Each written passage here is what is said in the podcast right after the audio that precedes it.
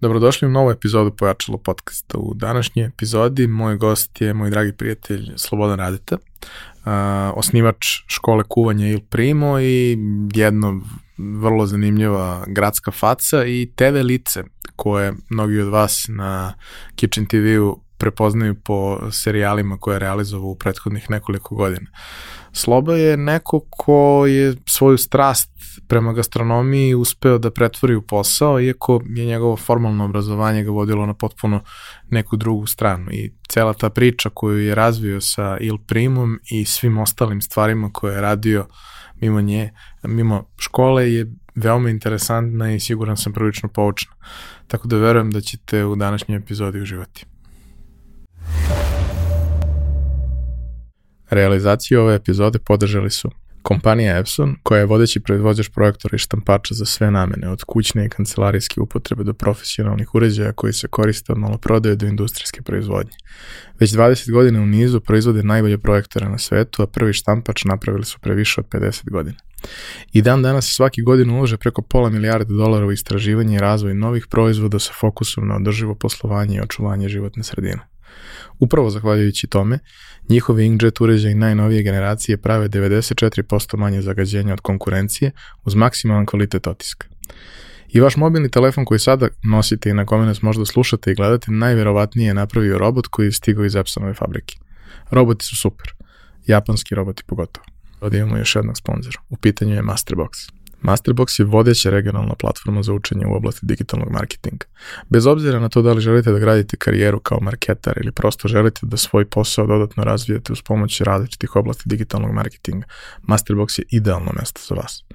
Imaćete priliku da učite direktno od Istoka, Bildija, Roberta, Kojota, Ćose, Brzice i drugih kolega, kao i da budete deo zatvorene Facebook grupe za podršku u kojoj su predavači i drugi polaznici da se diskutuju i rešavaju realni problemi iz praksi. Ukoliko prilikom registracije na platformi upotrebite promo kod POJACALO, dobijete dodatnih dva meseca pristupa svim sadržajima besplatno.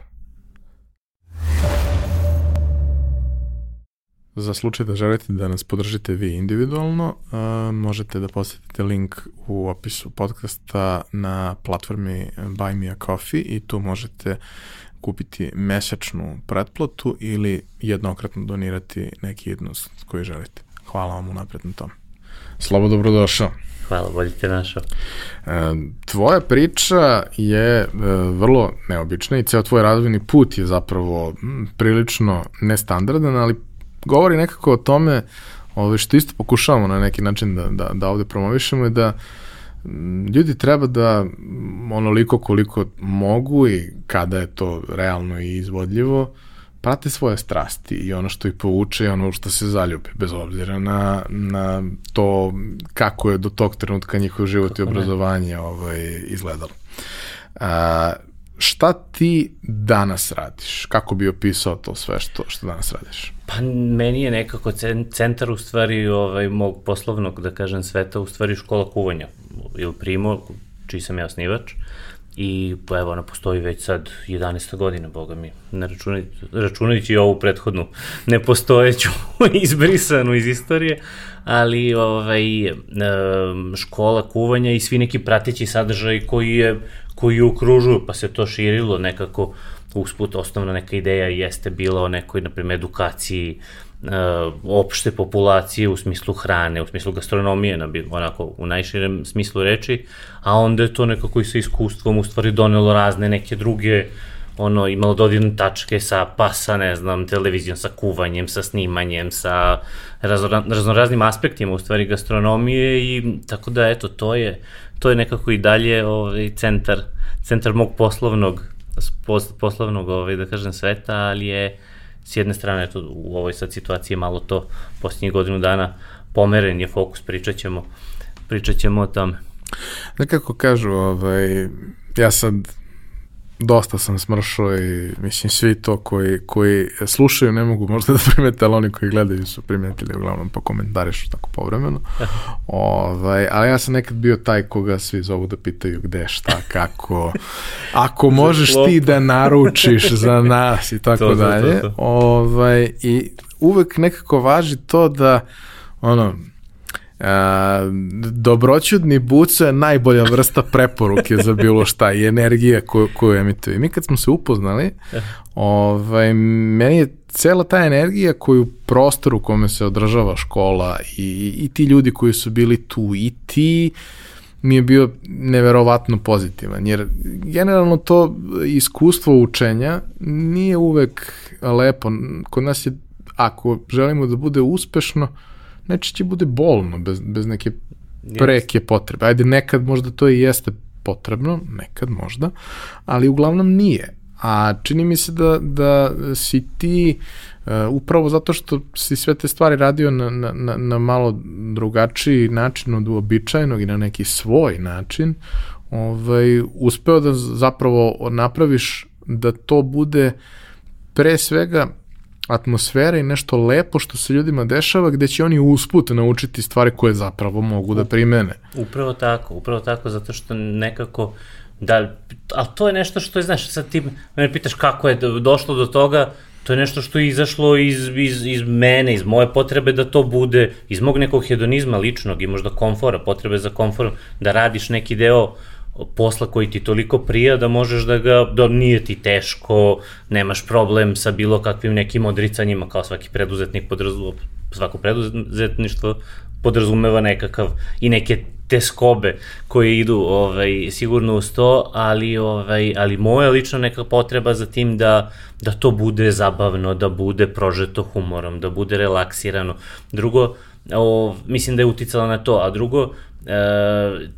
ti kursevi kuvanja koji su u stvari jedan, jedan od aspekata, jedan od formata koje, koje, koje škola ima u svojoj ponudi, kursevi kuvanja su nekako postali mesto uh, dobre energije i mesto gde e, čini mi se, ja sam često umeo kad u nekoj priči da kažem, znaš, mislim da je uh, kuvanje samo tema oko koje smo se mi uhvatili, i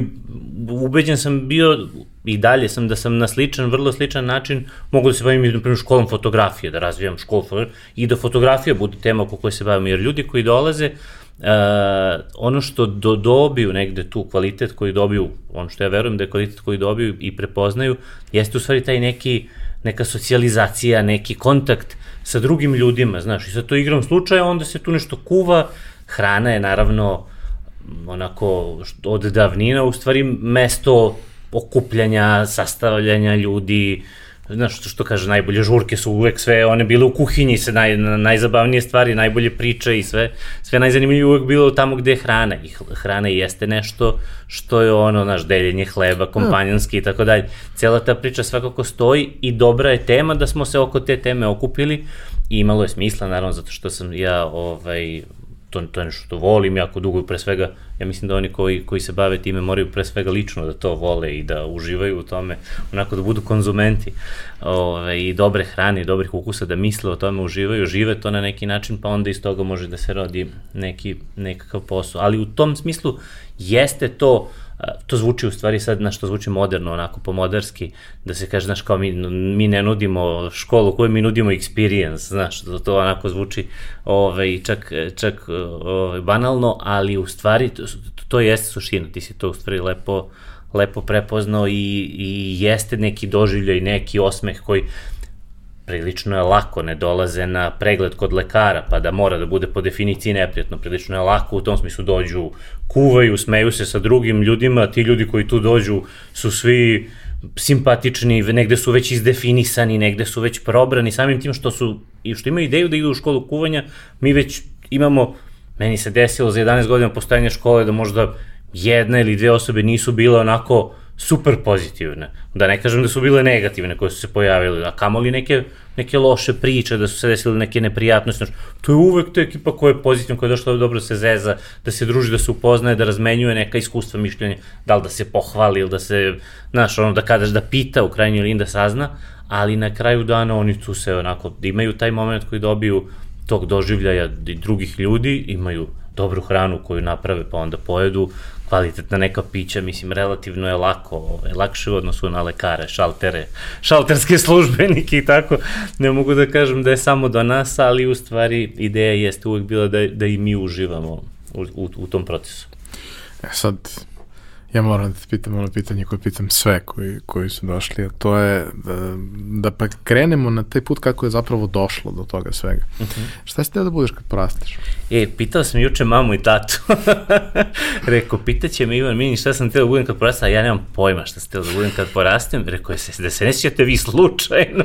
Rekao, imam tendenciju, zaboravljam, ono, imam puno informacije u glavi, držim ovih aktuelnih i onda to malo, ta davna prošlost tu mi slabo, ovaj, slabo ide. I on kaže, pa nisi ništa nešto specijalno, no, nema ni oni pojma. Tako da, ovaj, e, pa znaš šta, ja sam bio onako, ono, ono straight, ono, dete kao pametan klinac, kao, išlo mi to dobro škola, to sve nešto što sam radio, išlo mi to relativno lako, znaš, škola, bio sam Vukovac, kao, znaš, pre, neki, pre nedelju dana nešto sam, ne, neku klopu sam pravio za neko momačko večer, neka bila neka momački dan. I, ovaj, I jedan od tih uh, tu gostiju koji je bio, on mi kaže, kaže mi, a znamo se, on mi je onako poznanik, ali poznanik baš iz osnovne škole, on iz najranije, iz, iz naselja. Ove, ovaj, i, I on kaže, kaže, ja sećam, kaže, mi smo išli zajedno na hemijsku sekciju. Preko ja se toga uopšte, ne, mi, ne mi ideju da sam išao ikad na nekakvu hemijsku sekciju, nečeg. Ja sam posle studirao hemiju, mislim, zato mi je zanimljivo, što, mislim, a, ali nemam uopšte, kaže, ma išli smo zajedno, kao ja išao na karate i na hemijsku, ti si bio samo na hemijskoj sekciji. Tako da, ovaj, znaš, tu sam ja onako nešto kroz tu neku osnovnu školu, i to neko ono najranije tenjstvo koga se, koga se sećam, sva, sva šta sam ja nešto tu išao na neke te dodatne nastaje, pa kao ono, malo oko tehnike, na što mi je bilo nešto zanimljivo, išli na one neke, ono, oto, kao, ove, one nake napredne pravili neke mašine, nešto smo se igrali, znaš, eto i ta hemijska sekcija. Sećam sam da si išao neku prvu pomoć, bile neke, ovaj, neke tamo u to vreme ženske, ovaj, koje su mi se, koje su mi se dopadali, one su išle na, išao sam i na prvu pomoć, to. Ovaj, to je već ono kasnije osnovna škola, ali to ako, znaš, ono kao jedno svestrano dete, onaj, onaj sindrom gimnazijalca, u stvari, znaš, ovaj, ko, posle gimnaziju i upisao Zemunsku, ali, ovaj, ali nisam imao nešto što je kao, eto, to je bio san, čak i on, na, ni onaj naivni, ni, ni ono kasnije. Sećam se u stvari, prvo što mi je bila neka tematika, ovaj, ja sam imao nekog u, jako zanimljivog deda ujaka, koji, je, koji me jako volao, nije volao manje više nikoga ono, u porodici, i širo i užu, a mene, mene je volao, bio onako težak, težak tip, jako zanimljiv i ovaj, nekako sam mu ja išao onako, niz laku, ja verovatno, znaš šta tu ja onako socijalno inteligentno i on sam skapirao sam, rešio sam ga otprilike kako s njim treba i, ovaj, i tako je to on me obožavao i ovaj, bog zna kako posle slao nešto na neke, ovaj, ono, učenje jezika u francusku, pa učenje jezika u engleskoj, ne, bio neko, u, neku, u nekom, neki stari direktor Genexa iz onih generacija, ono, Maderaši i to, ta ekipa, on je deda uvek, to sve babin brat, ali je volio da bude mlad, pa nije zvao, dao da ga zovemo deda, nego ujka, znaš. I to sam dobio jednom u školi učiteljice, ove, nekim prutom, kad se pitala šta, šta je ujaka, znaš, i ja rekao, ba, babim brat, ja, bam, sa onim, na, to je još ono srećno vreme dok su tukli decu u školi,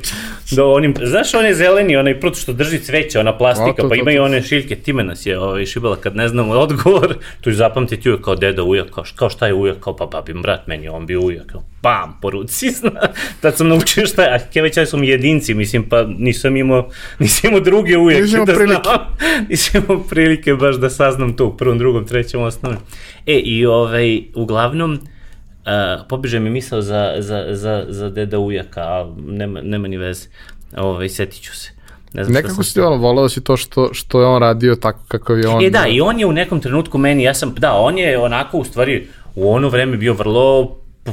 preduzetan, znaš, on je bio, kad je otišao u penziju, iz te duge geneksovske karijere, bio je nekakav čovek koji spaja ljude iz sveta, ovaj, oni su prodavali, ne znam, ono, hranu, stočnu hranu, neka, ali to bilo su onako trgovine, ovaj, trgovačke neke priče i tako, i on je onako bio autoritet, u stvari, za mene u, u tom smislu, i on je pričao, kaže, to, kaže, sve je okej, okay, kaže, treba, moraš, prodaje kao,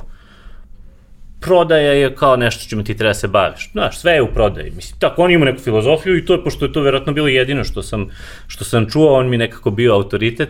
na neki način, ovaj, meni je to ostalo kao, eto, kao treba bi da se kao bavim prodajom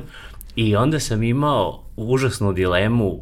ne dilemu, imao sam užasnu brigu u stvari, zato što sam kontao da ljudi koji se bave prodajom, to su oni koji mogu da pričaju lagano, da vode small talk, da da ćaskaju, da znaš onako niš čega da priče, pričaju I uvijek mi je bilo fascinantno kad idem da se šišam. I sad, znaš, ono, dođeš, ja sad, tu sam već, ja, tu sam ja recimo možda neka starija osnovna škola ili možda početak gimnazije ili tako nešto. I ja dođem, sedim, ono, kao, znaš, ne progovaram, ovaj frizer kaže, kako ću ti, ja kažem ovako, on šiša, ja ćutim 40 minuta, izađem i ništa, dobar dan, doviđenja. A ovi neki okolo su toliko kao pričali, znaš, to mi tako mi je bilo, bio sam, nisam, bio sam ljubomoran s jedne strane, što kako mogu tako lako, šta imaš pričaš s frizerom? Znaš, tu neki potpuno small talk, ne, šta imaš pričaš s frizerom, ako ti nije nekoga sad znaš godina, pa sad kao kako porodice to,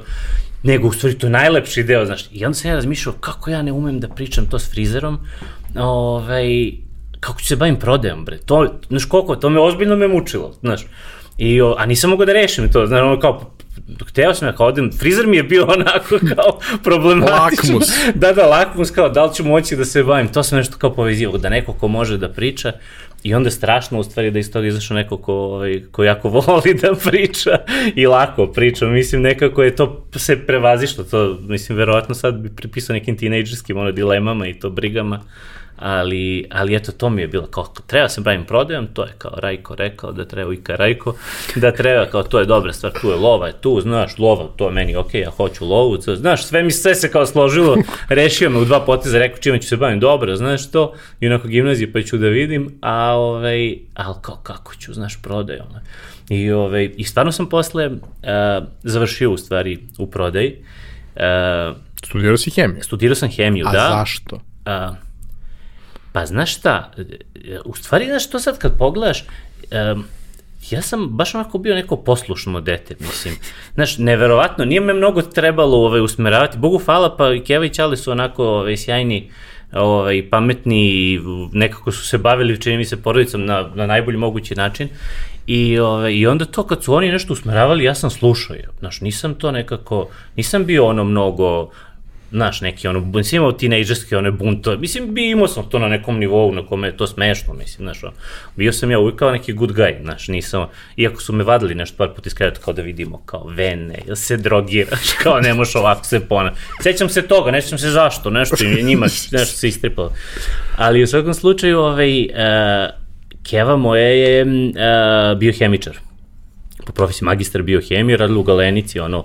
ovaj, cel, celog života i sad je u penziji već neko vreme, ali je, i onda je ona bila u fazonu kao, pa da, što je dobro, kao treba se studira farmacija, kao hemija, to je više za naučnike, ono, kao ćeš budeš ludi naučnik, ali pošto ti hoćeš kao i to, i lova i to, to ti je kao farmacija, kao nema puno na farmaciji ovaj, muškaraca, znaš, tu negde imaju prođu, znaš, 10% muških, odnosno 10% žena, lakše prođu, lakše uđu u firme, u sisteme, farmaceutske kuće i kao, I to ti je kao super, znaš. I ja kao dobi, to nekako ostalo. Zavoleo sam hemiju u gimnaziji, jer sam imao jednog ovaj, sjajnog profu u gimnaziji, koji je bio onako mega, mega zanimljiv. I, I nekako sam to kao zavoleo, bilo mi je zanimljivo, kao ok, kao ima hemija, za farmaciju se za upis polaže um, hemija i matematika. I spremao sam se, jer sam ja bio uvek, recimo, u, u gimnaziji sam bio neki ono, kao jak vrlo dobar ovaj, džak I tu već, nis, tu već nije bilo bitno, ono, kao mnogo škola, svirali smo, imali smo band, jazz, svirali, svašta nešto smo ovaj, radili kroz gimnaziju lepo, ali uh, ideja je bila da upišem tu farmaciju i u stvari spremao sam se, pošto nisam ono, mogo na, na, nisam bio ono, odlikaš i to nego neki kao vrlo dobar, znao sam da ne mogu na plene, moram na taj ispit da, ovaj, da, da dobijem i godinu dana sam se spremao za, za upis na farmaciju i te godine je u stvari bilo bombardovanje. I nije bilo prijemnih ispita, nego su se bodovali po uspehu iz gimnazije, tako da sam se ja džabe spremao, bio sam neki, ono, ne znam, 100.000 ti na listi, mislim, nešto, ono, sa tim jakim vrlo dobro, iz cele Srbije došli svi Vukovci, svi su bili, ono, prvih, ne znam koliko, 300 koji su upisivali, svi su bili, ono, mislim da se to zove Vukovac, Vukovac u, u gimnaziji, ali sve, ono, i odlični, ovaj, i tu propadne ta priča oko farmacije, a bilo je u stvari zanimljivo, bilo mi u tom trenutku bitno to džez, kao mi slušamo, mi sviramo, sa neku kosicu, kao nešto, neko ludilo, i, ovaj, i džez je bio bitan, bitan i u nekom trenutku, pa kao možda hemiju, znaš, nisam imao nimam pojma, mislim, ja sam u Zemunu, kao celo život, nisam onaj Zemun što nije išao nigde, što misle da je kao roaming, ono, kad pređeš u grad, ovaj, ali nisam razmišljao, razmišljao gde je hemijski fakultet, ja kad sam skonto da je hemija, ovaj, na studentskom trgu, na PMF-u, ide plato preko puta, plato jazz klub, Ja sam tog dana otišao i upisao hemiju. Ne znam, zbog plato jazz kluba sam upisao hemiju. Mislim, a kao, eto, znam hemiju, hoću, hemija, kao, ok, farmaci, tu bi imao ovo, kao, dobit će i ovo, imamo ovo i jazz. Znaš, onako, to, sve iz ove perspektive to deluje tako nešto ne, bez nekog prevelikog promišljanja i bez, znaš, sad bi mnogo analičnije, analitičnije ono, pristupio kako šta da studiram, kako, znaš, koje su moje vrednosti, koje su ovaj, tad to nešto, valjda, ono, imaš sreće, ti neko nešto pametno kaže da ti se to nalepi i kao odeš u tom smeru, bar i meni tako bilo. I onda sam upisao hemiju, studirao hemiju, prilično sam čak to ovaj, i, i dobar student bio i nisam je nikad završio. Ostao sam na, na tri ispita do kraja. Ove, ovaj, to je opet na sindromu gimnazijalca i rođenog, ono kao Beograđana koji ima sve, ne mora, da, ne mora se završi fakultet, nađem posao ovaj, u, na tri ispita do kraja, 3 od 30, to je ono po, po starom sistemu, ono, ovaj, i hemija je onako ozbiljan fakultet, mislim, nau, nau, naučih se ja tu ozbiljno i to, ali, ali sam se zaposlio 2006. u, praktično u branši, uh, ali u prodaj. To je ono u stvari što, što sam i želeo. Teo sam da, da se bavim prodajom, ali je to bilo firma koja je osnovana da ne, zastupnici neke velike svetske ove, firme za područje tu ono, ovaj, Balkana i prodali smo neke aparature, nešto vezano za biotehnologiju, nešto gde je moje iskustvo kao ono, stručno imalo smisla, mislim. I tu sam u stvari počeo da, da učim prodaju. I I to je bilo onako super, uh, super jedno zanimljivo životno iskustvo, tu sam se onako iskalio ovaj, na, na, na, mnogo nivoa i u nekom dobrom smislu i u, i u nekom pa lošem, ono, ovaj, ali, ali ono što je bilo dobro, uh, vlasnik te firme je, je jedan stari onako laf prodaje uh, koji je baš onako, celog života je u prodaji i, onako vrlo je negde možda kontraverzan, ne kao i kontraverzni biznis, nego ima koji ga vole, koji ga onako podeljena su mišljenja, ali ono što on zna prodaju je, ove, i to pro, prodaju nekih premium u stvari stvari, ne ono kao prodaješ šrafove pa kao zarađuješ, ne znam, 0,1 dinar na šrafu, ali moraš, ne znam, 100 miliona da prodaš. Ne taj tip prodaju, nego kao ima, mi smo nekakve sisteme za vodu za neke laboratorije, ovaj recimo prodavali i naš sistem za vodu je bio, na primer, tri puta skuplji od prve konkurencije. Prva koja je bila.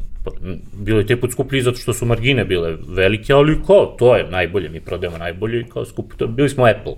Znaš, tu sam naučio da prodajem u stvari negde, ono, premium, premium proizvod, I to je u stvari veliko iskustvo i nekako iz toga je izašlo u stvari sve ono što sam radio sa školom i to iskustvo u prodaji je mnogo, mnogo doprinilo posle u postavljanju u postavljanju posla na, na pravi način. To je stvarno neko onako ovaj, jedno, jedno veliko iskustvo. Tako da u stvari to je, kao sad ću naravno još dva, ta, tri ispita uz, uz posao, znaš i to, međutim to nekako nikad nije, nikad nisam se vratio na fakultet, to je ostalo tako, verovatno i sad ima tamo neka otvorena neka ŠV20, neki ono obrazac ili šta ono u, u onoj pisarnici, ali ovaj, um, što sam više ulazio u posao, to je bilo jasnije da mi u stvari, da neću ići u tom smeru, da mi neće biti ovaj, ključno da budem, da imam diplomu. Znaš, moja posle ona jedina ideja je bila kao moram završiti taj fakultet, kao kako ću sutra sinu ono, i čerki da kažem kao moraš završiti fakultet, znaš, mada sad ne mislim da, mislim, vjerojatno ću ih peglati, ali ovaj, ne, ne mislim da moraju da završe fakultet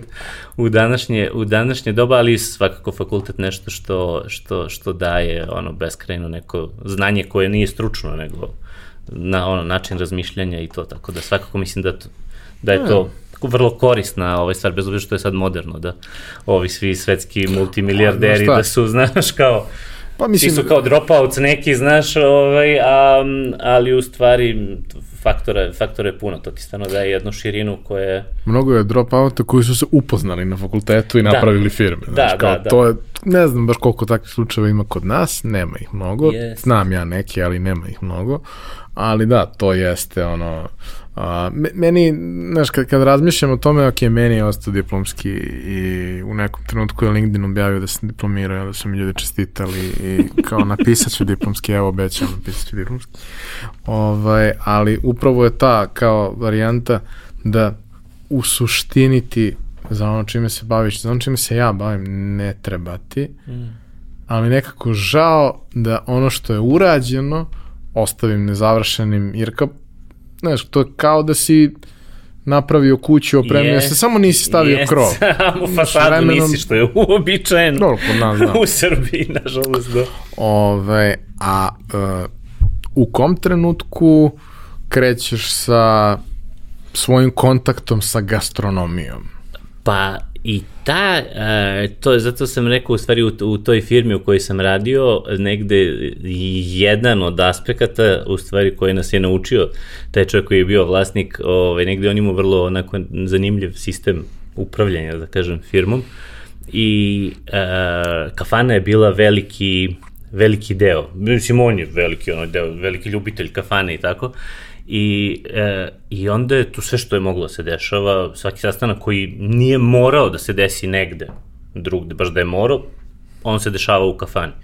I, ovaj, i tu sam onako naučio da, je, da jedem i da pijem, u stvari. To je bilo prvo neko iskustvo onako pravo, gde si ti znaš, tu sad već nešto gost, pa neki, ne znam, oni su oni su tamo, zaplet je bio kao, zaplet i lovac su bile kao kafane koje su ovaj, bile matične za, ovaj, za, za tu ekipu iz firme. I, i to ono zaplet ne kao vlada zaplet nego Vladin Ćale ono iz vremena Hajduka i to znaš A, ono old school ta, ta, ta priča. Ove, ovaj, tako da su oni onako tu smo tu sam nekako učio čini mi se znaš o kafani i tu sam se negde nakačio polako i na, na kuvanje pre svega, onako lično, imao sam tu neku ekipu koji su svi bili u tom fazonu i onda smo mi nešto redovno uh, kuvali po kućama. To nam je bio način druženja, znaš, nije bilo sad kao ajmo idemo, ne znam šta. Mislim, tu smo mi još uvek klinci, znaš, to je sve 25 godina recimo, još, još uvek smo mi tu, ono, nismo ostvareni poslovni ljudi, bez to sad mi malo koketiramo kao s poslom. Nije to to. Ove, ovaj, ali, ali tu je krenulo i, i tu je u stvari nastala ideja da, da nešto u tom pravcu kao, stvari saznao sam eto da postoje kao škole kuvanja u svim svetskim metropolama i to ono, na stotine škola, mislim, gde god da probeš, kao imaš bars. One su, posle se ispostavilo, uglavnom specifično vezane za turizam. Ti sad kao u Barsi imaš, ne znam, 100 škola kuvanja i sve svih 100 škola kuvanja su suštinski okrenute sa ka turistima i svi imaju u programu da te vode na pijacu, kupiš sastojke i onda ideš tamo i spremaš paelju. Znaš, nije to nekako bilo, nije imalo neku širinu nekog možda istra... sigurno ima i nekih, ali pričamo onako generalizovano. Ali ovaj, I onda je kao nastalo to kao ideja da bi, eto, kao možda bi to bilo lepo, pa da mi imamo neko mesto gde mi možemo se družimo. Kao što se družimo po kućama, kao mogli bi mi kao imamo neku, neku lokaciju, kao gastro, neki hub, nešto. Tako su nekako prve ideje o tome došle i on sam stvari istraživao šta je u tom trenutku bilo u ponudi. Ne, neko od uvoznika, recimo paste, čini mi se onih crvenih sosova, jedna od tih firmi, je imala nešto na sajtu, na primjer, kao imaju radionice i to, i to sam ja nešto njih kontaktirao, kada im šta radi, i nije niko, na primjer, nikad odgovorio na mail ili tako nešto. I sam skonto da od tog, mislim, od tog nema ništa. I, ovaj, izne, opet iznenađujuće, ovaj, za mene, pošto ja jesam onako prilično analitičan, uh, da, ideja, u stvari biznis ideja je bila totalno onako ne um, ne, neistražena u stvari, a ideja, cela biznis ideja se zasnivala na tome da ja kažem vidi, ako može Barcelona da ima, ne znam, 45 škola kuvanja, mora da može Beograd da iznese jednu. I to je bio ceo biznis plan. To je, što je potpuno sad iz ove perspektive, ovaj, nekako suludo, bez nekog, nisam možda ja nimao ni resurse, to je bilo na, na nivou ideje jednog hobiste, mislim, u, u krajnjoj liniji. I, I onda je u stvari,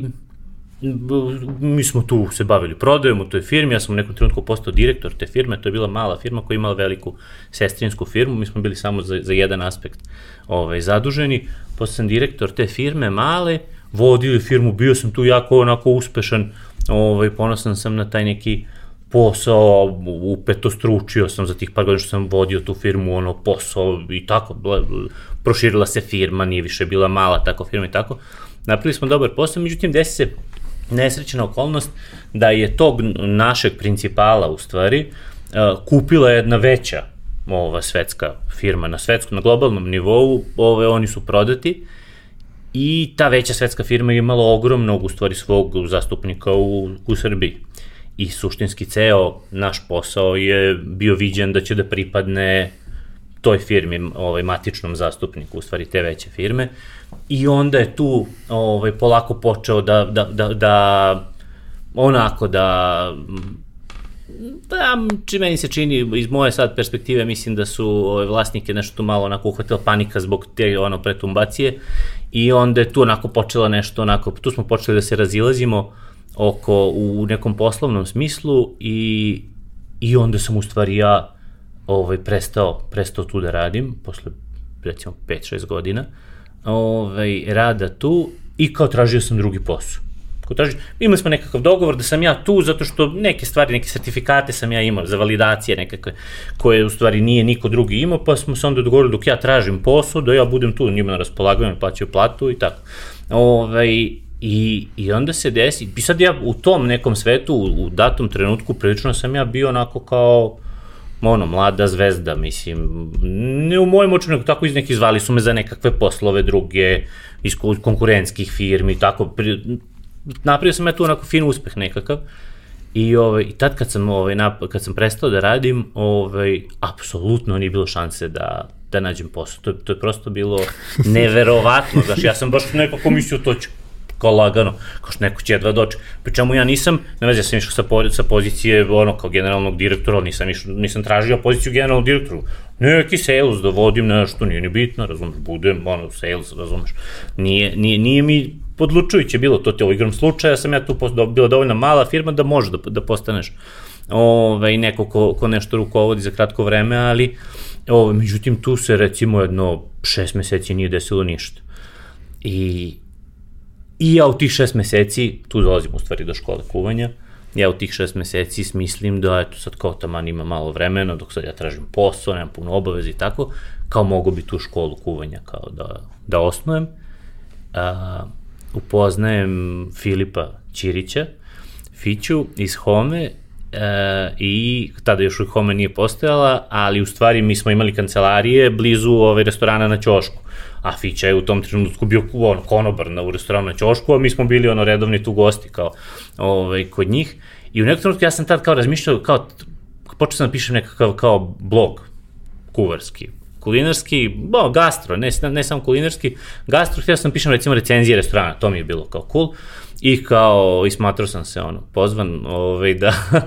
da to kao radim, što sad verovatno ne, ne bi mislio da sam u tom trenutku bio pozvan, ali dobro, da, da, da, da budem nekakav ocenjivač, ali sam to hteo i onda sam njega pitao u nekom trenutku, jel vam ne bi smetalo kao da ja fotkam, ne treba mi ništa, ne treba, ja ću platiti svoju hranu, nije ništa sporno, nego jel vam ne smeta kao u restoranu samo da fotkam jela i to, nije to bilo možda tako običajno ko sa telefonom, znaš, pričamo se ja celo život nešto bavim fotografijom i tu sam onako, fotografije i video, to je nešto što, što je onako moja velika ljubav.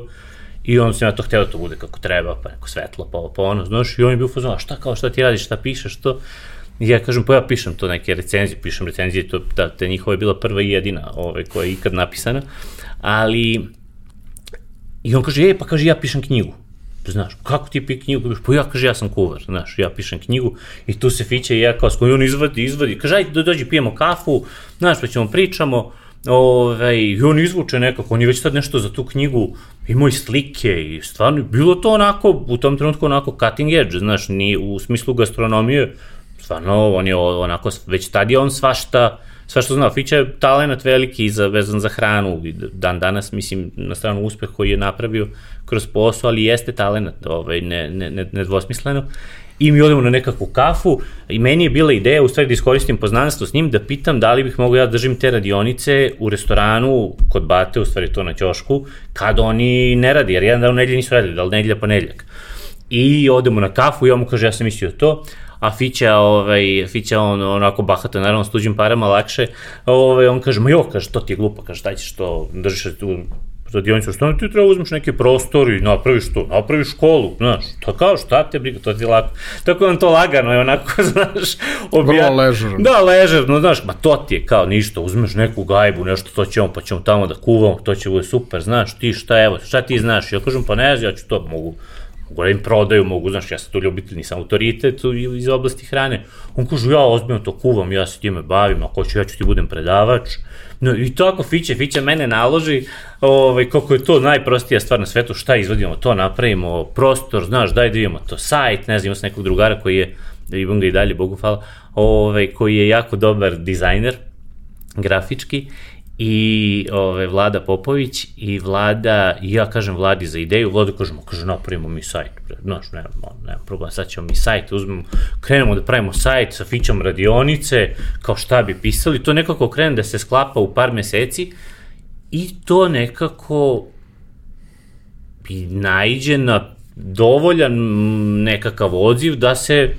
napuni prva neka radionica koju smo mi objavili, napuni se kao 12 ljudi, 15 ljudi kao da će da dođe.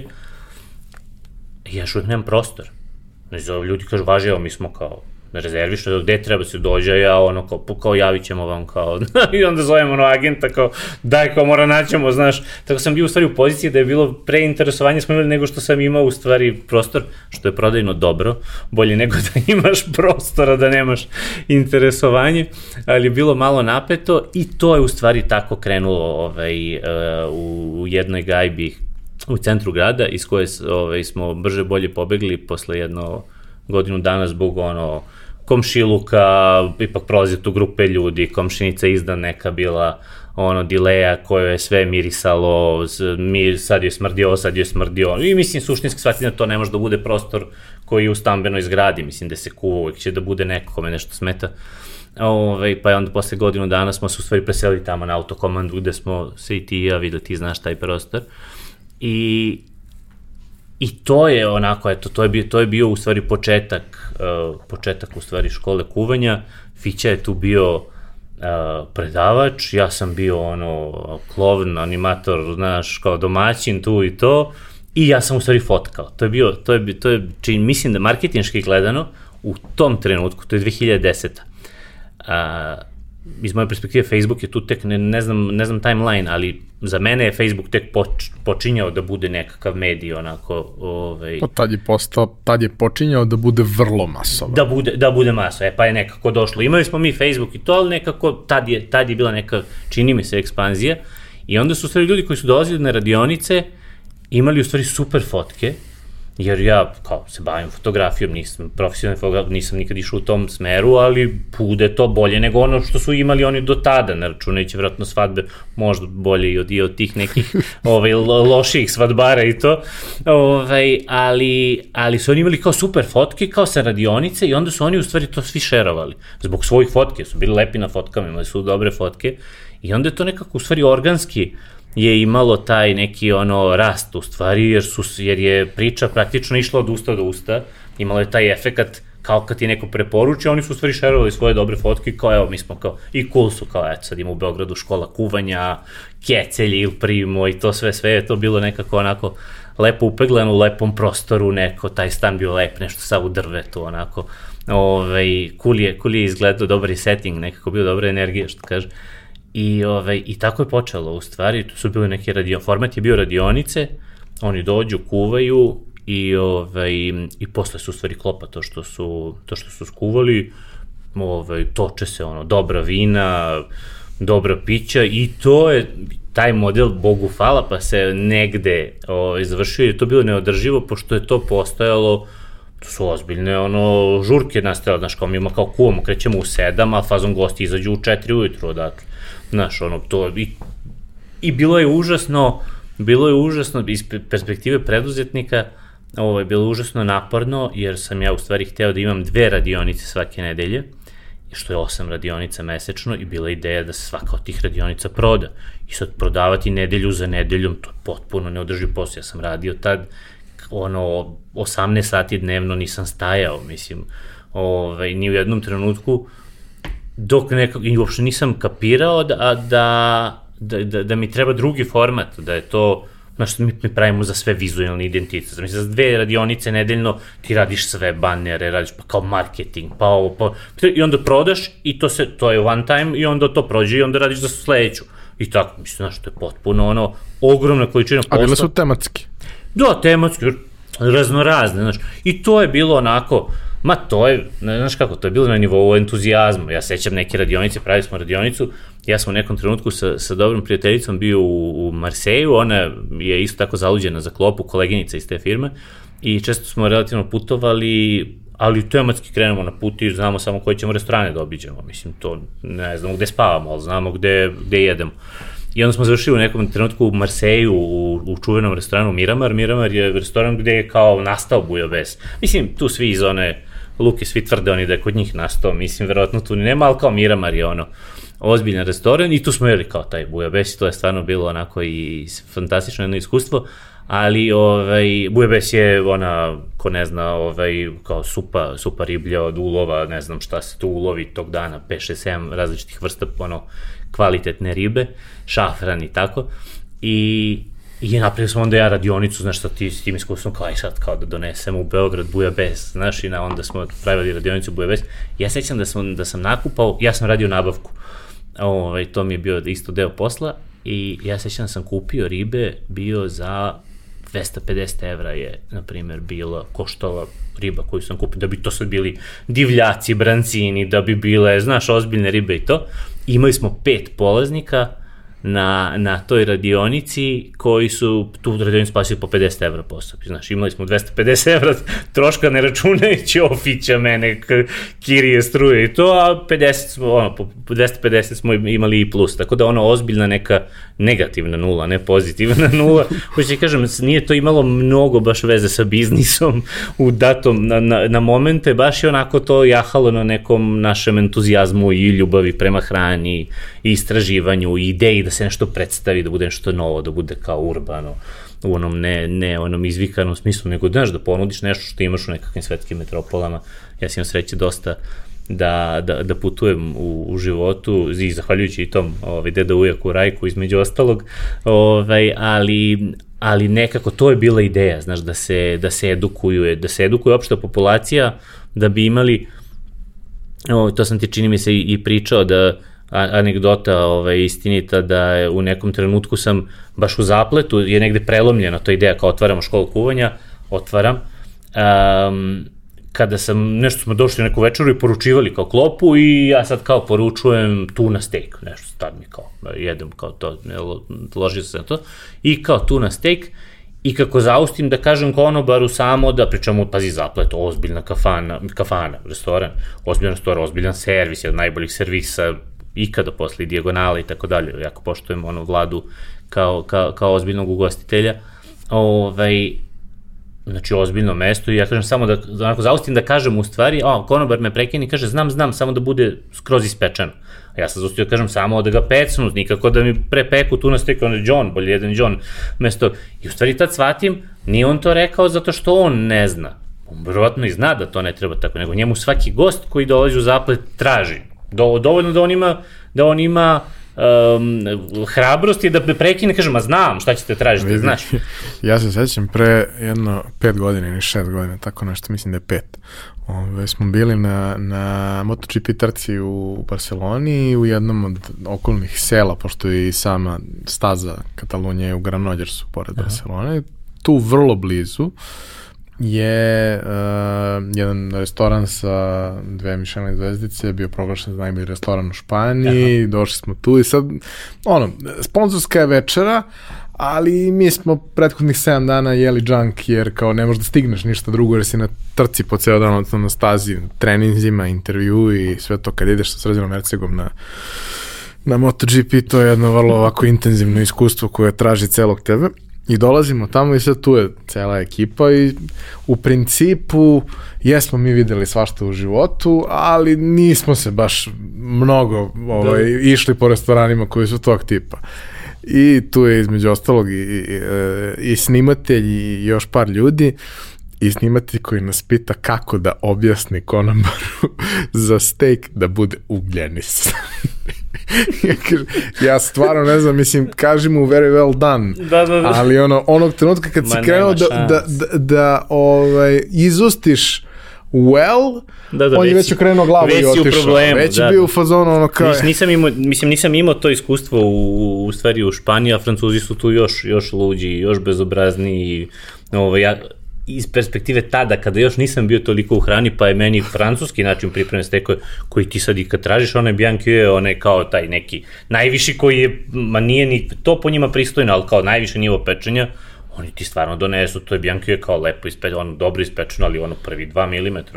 dalje je ono unutra, mislimo kakav crni to medium ili nešto, znaš, to je ozbiljno nepečeno i dalje. I onda ja kad krenem da objašnjam kao, ono, tre tre Bianchi je kao, jako, jako, znaš, i ono, te mrzite, mislim, i otvoreno te mrzi, od, fazonu kao glupi turista, kao, znaš. A, ovde je bila varijanta dva puta je vraćao čovek i na kraju sam bio u fazonu, "Aj, molim Ne, uzmi, samo poredi, uzmi da pljeskavicu, ono, uzmi burger. Pa da, i, i u stvari to je nek, znaš, negde, onda sam skapirao da u stvari, znaš, opšta populacija u stvari, što, što je neminovno slučaj, verovatno, u, u svakoj zemlji, znaš, um, negde uh, hranu koja nije naša nacionalna pogotovo, ne zna da jede negde, znaš, nema, nema, nema informacije o tome da, da postoji bolji način, da ima, da može, da može bude ukusnije, znaš. Mi stalno imamo, recimo, u, uh, u školi uh, priču oko džigerice. I, ovaj, I ti kad dođeš, i, znaš, da imamo neku radionicu i kao šta ću sad spremamo, i ja sad kažem sad ćemo da spremamo, ne znam, sad neki cibreo, to je neki italijanski, na italijanskom kursu, sad to je neki italijanski, neki kao ragu od džigerici i onda sa tu pola ljudi ono, koji su došli kuvaju, kao, u, kao džigerica, kao, kao ja ne jedem džigericu, znaš. I, ove, Kakvi i on, to ljudi? Ja, ja, znaš šta je u stvari fora? Ja i njima kažem, ovaj, to je potpuno logična stvar. Naše majke, bake, kogod je bio ono, domaćica u kući, kogod da je kuvao, koliko god bil, da su bile dobre ovaj, domaćice i perfektno kuvale neke stvari, niko od njih garantujem životom, ko nije možda negde iz inostranstva, negde živo, nije imao tu instituciju da džigerica treba bude spremljena na srednje nego ono sine uzme onu džigu i spali je, ne ni na sivo ono gorko, nego na crno, ugljeniše je, razumeš? I ti sad kad si mali, ti si imaš 6-7 godina i baba ti kao sprema džigericu s lukom, mislim, možeš misliti ugljenisanu i ono im je gorko, im je nik, niš, nema ništa u tom, nikakve sreće nema. I normalno da je pola ljudi u fazonu kao ne, ja to ne jedem, ono, to su traume iz detinstva. Ja kažem, ne, ne, probajte, Znaš, pa vidite, možda vam se promeni, mislim, znaš, onda stvarno kad probaj, pogotovo neku koja je finija, znaš, neku teleću, džigericu, nešto što je već ulazi u domen specialiteta, da ne, ne pričamo o pilećaj, ovaj, potpuno im se, ok- okrene im se i, i ideja o tome, što znači da može, u stvari, znaš, i tako je u stvari nastala ideja, ideja škole, moja ideja je bila, hajde da nekako, da, da, da, da se investiram u to, da, da, na, da, da, da naučim ljude, vrlo onako to kao optimistično i onako altruizam neki težak, kao ovaj, da naučimo ljude da jedu, ali ne iz, ne iz perspektive, to nikad nije bilo, možda ovo ružno zvuči, nije nikad iz, bilo iz perspektive um, nekog apsolutnog autoriteta, jer ja to nikad nisam ni bio. Ja da sam sad obrazovan na nekom prestižnom, kuvarskom, ne znam, koleđu negde, pa sad ja da dođem iz perspektive autoriteta, znaš, ja sam i, je, iz perspektive hobiste, u stvari, neko ko to voli, ko voli da istražuje, ko je nešto novo saznao, i to je bio nivo na kome smo se uvek i dan danas obraćali uh, publici. Znaš, nikad... Znate, ja mislim da je to jako bitno zato što na taj način možeš da izazoveš e, i to povezivanje i oni mogu da se... Pa lakše je, lak, pitkije mogu da je, se, svakako. Ono, da, da, da tebe vide kao nekog ko je njima blizak i e, kada vide tebe su u fazonu, ok, uz malo truda, posvećenosti, mogu i ja da budem dosta bolji u tome. Kada gledaš Tako. kako profesionalni kuvar nešto radi, ti si u fazonu, iseći ću prste, ako Da, da, ne da. isečem ruku do lakta, ništa nisam uradio, bit će mrtvih, povredit ću nekog drugog, ja ovo ne Yes. želim da držim u ruci. Imaš neverovatno veliki broj ljudi posle kada se ovaj, to malo izdefinisalo u školi i tako, ovaj, onda između jedna stvar od, od kurseva koje imamo u ponudi, ovaj, dan danas ne računaj sad koronu i ovu situaciju, ali su u stvari ceo serijal kurseva kuvanja koji se zove osnove kućnog kuvanja, koje vodi moja koleginica Tanja i um, oni su baš namenjeni ono ljudima koji nikakve veze nisu imali sa kuvanjem. Znači, ne sad kao neko ko se osjeća malo nesigurno, kao ja kuvam, ali možda nije to će da unapred. Ne, ti nisi počet... početnici kod nas dođu i kažu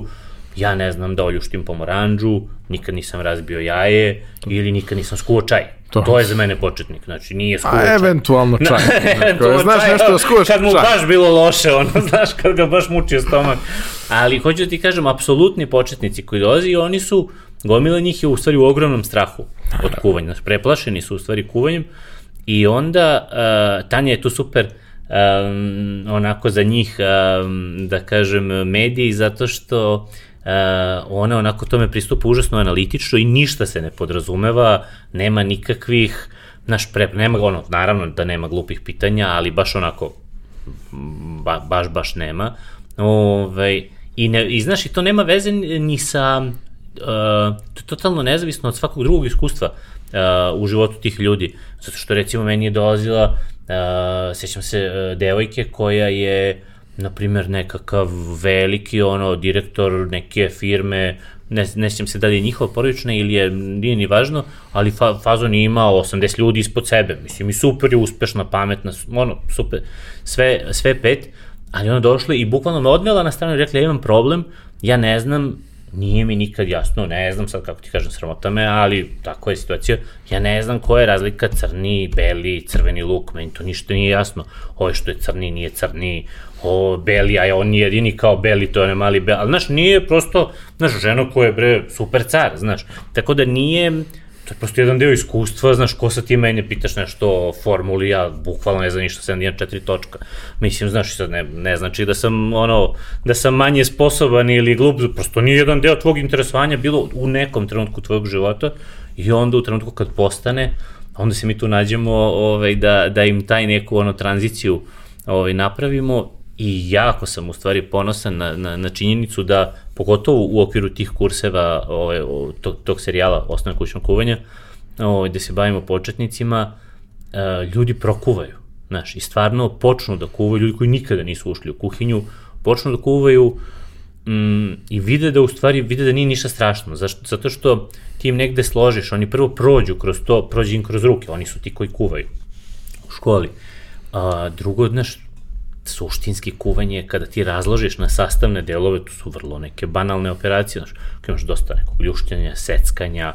onda neke termičke obrade, da li malo ti ga... Ma tu sad hiljadu nijansi, da, ne, znaš, ali kad ga, kad ga se rastaviš onako, da, da objasniš nekom... Ono inženjerski kad inženjerski ga postaviš. kad ga postaviš, baš to, to su vrlo proste ono operacije neke koje su, no što ne deluje ni onom ko nikad nije imao iskustvo s tim, ne deluje kompliko, možda ima 100 pitanja, znaš, kao, ok, pržen ruk, Znaš, šta znači da ono, čitam recept i u svakom receptu piše, pišete luk dok ne postane staklast. Znaš, koliko sam ja puta čuo šta znači staklast? Mislim, kao jasno ima šta znači staklast, ali kao nisu, nisu ga videli da postaje staklast. I onda, znaš, on kao gledam šerp, ili sad start, nije još, kao vidić, e, kao sad je, e, pa da, kao logično je, znaš. A to ne možeš da vidiš na YouTube. Mislim, ne možeš da staneš iznad šerpe i da čekaš da postane staklast, znaš. Ove, ovaj, meni je gomila ljudi bilo u fazonu kako ćeš da imaš školu, šta ima, kao, sad ti, ti učiš, sve ima na YouTube-u. Znaš, kao sve ima na internetu, sve je, sve je dostupno, kao taj biznis nema, nema rezona, kao što bez veze. Ovaj, ali da, daleko je od toga naravno ovaj, to, to neko uživo i neka priča. I ima sve na sve ima, sve ima internetu, svoje. Znaš, i u knjigama o mentalnom zdravlju, pa je pa jest, jest, znaš. I prvo, mislim, znaš, imati negde, ovaj, divno imati internet na raspolaganju, ja kad nešto, nešto novo razvijam, daleko od toga da sam ja držim kurs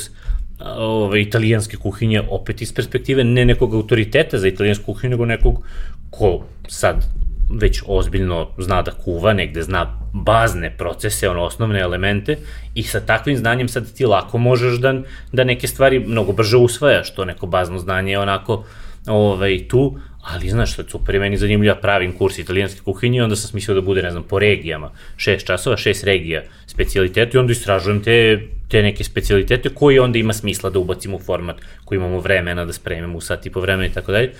I, ovaj, I super je da ti u stvari možeš da istražiš, dođeš do informacija šta sve ima, šta sve postoji, ili za inspiraciju i to, ali ti u stvari moraš mnogo, mnogo, mnogo, mnogo da znaš, da bi znao da, da to što pročitaš da to ima smisla da, da će baš to imati smisla. Ti sad tražiš recept za karbonaru, naćeš 100.000 recepata za karbonaru i po sad, po kom ćeš da spremaš? Ok, možeš uvek uzmeš kao Jamie Olivera ili nekog, ako si više u kuvanju kao ono Mario Batali ili nek, znaš, neke kao ta imena, pa kao i njihovi recepti, ali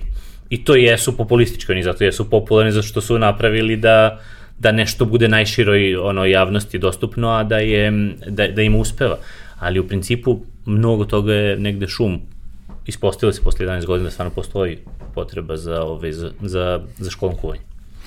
Uh, I to što vi radite, pomenuo si sad deo stvari, ovaj, ali ajde da probamo da oslikamo ceo uh mhm. -huh. scope, ceo landscape. Znači, postoji deo priče koji se odnosi na ljude koji su početnici, početnici koji ne znaju mm -hmm. ništa. Postoje malo naprednije priče toga. To je, Postoje... sve, da, to je sve u formatu kurseva. Znači kursevi su ovaj, nešto što je, što je tematski, možda bude tematski u smislu ovih u, um, kao po nivou znanja, odnosno ovaj, neznanja, a može da bude nešto što je tipa vezano za određenu geografiju, recimo kurseve francuske kuhinje, dva kursa, pa kurs italijanske kuhinje, pa kurs nekih azijskih kuhinja, onako eklektično iz svake zemlje po neki specialitet, čisto kao neko upoznavanje, dodira malo sa azijskom kuhinjom, Ove, tako da im, ima različitih tih tipova i to su kursevi, nekada smo držali te kursevi, oni su bili tada 12 e, termina, 3 meseca,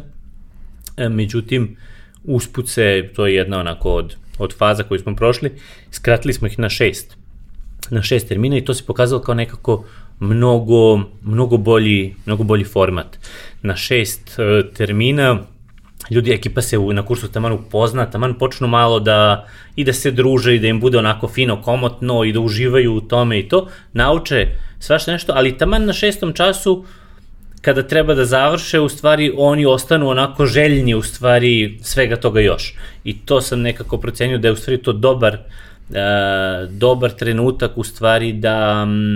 da, da ih tu zaustavimo, jer to su onda ljudi koji u stvari upisuju i sledeće kurseve, nastavke tog kursa i tako. Kad je bilo tri meseca, dešavalo nam se, znaš, ono, prvog meseca imamo kao 12 ljudi, drugog meseca imamo 10, treće meseca imamo 8. Znaš, onako kao prosto ti ne znaš šta ćeš da radiš za tri meseca, u stvari da, malo je obaveza. Da, ali i taj moment zasićenja i ono, uh, možda u,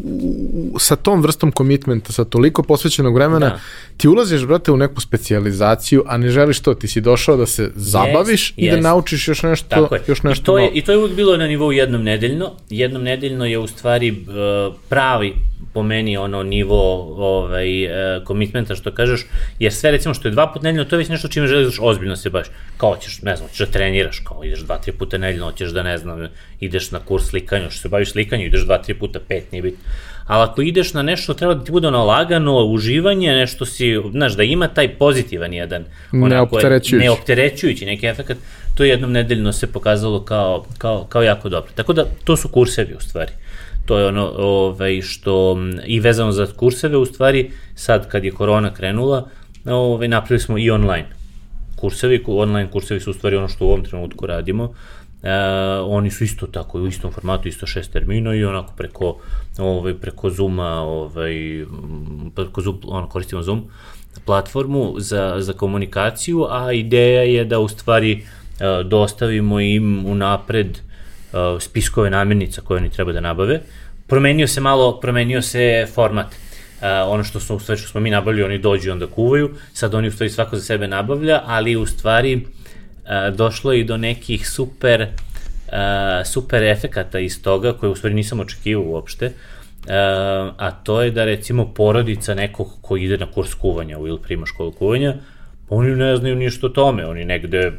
znaš, znaju da kao, ide Keva na kurs kuvanja ili ide Ćale na kurs kuvanja, ali to je, to je njihov dodi, on dođe kaže kako ti je bilo, bilo ti super i to je to. Možda im nekad on nešto posle sprema, zavisi ko je s kojom idejom tu došao i šta je, ali nemaju mnogo, nisu, nisu mnogo ono, uključeni u tu priču. A u ovoj priči oko online kurseva, u stvari, ta osoba koja je na online kursu, ona postaje zvezda porodice, u stvari ukućana i to, jer onda to što kuva za vreme online kursa, onda ovaj, ovaj, to posle klopaju svi.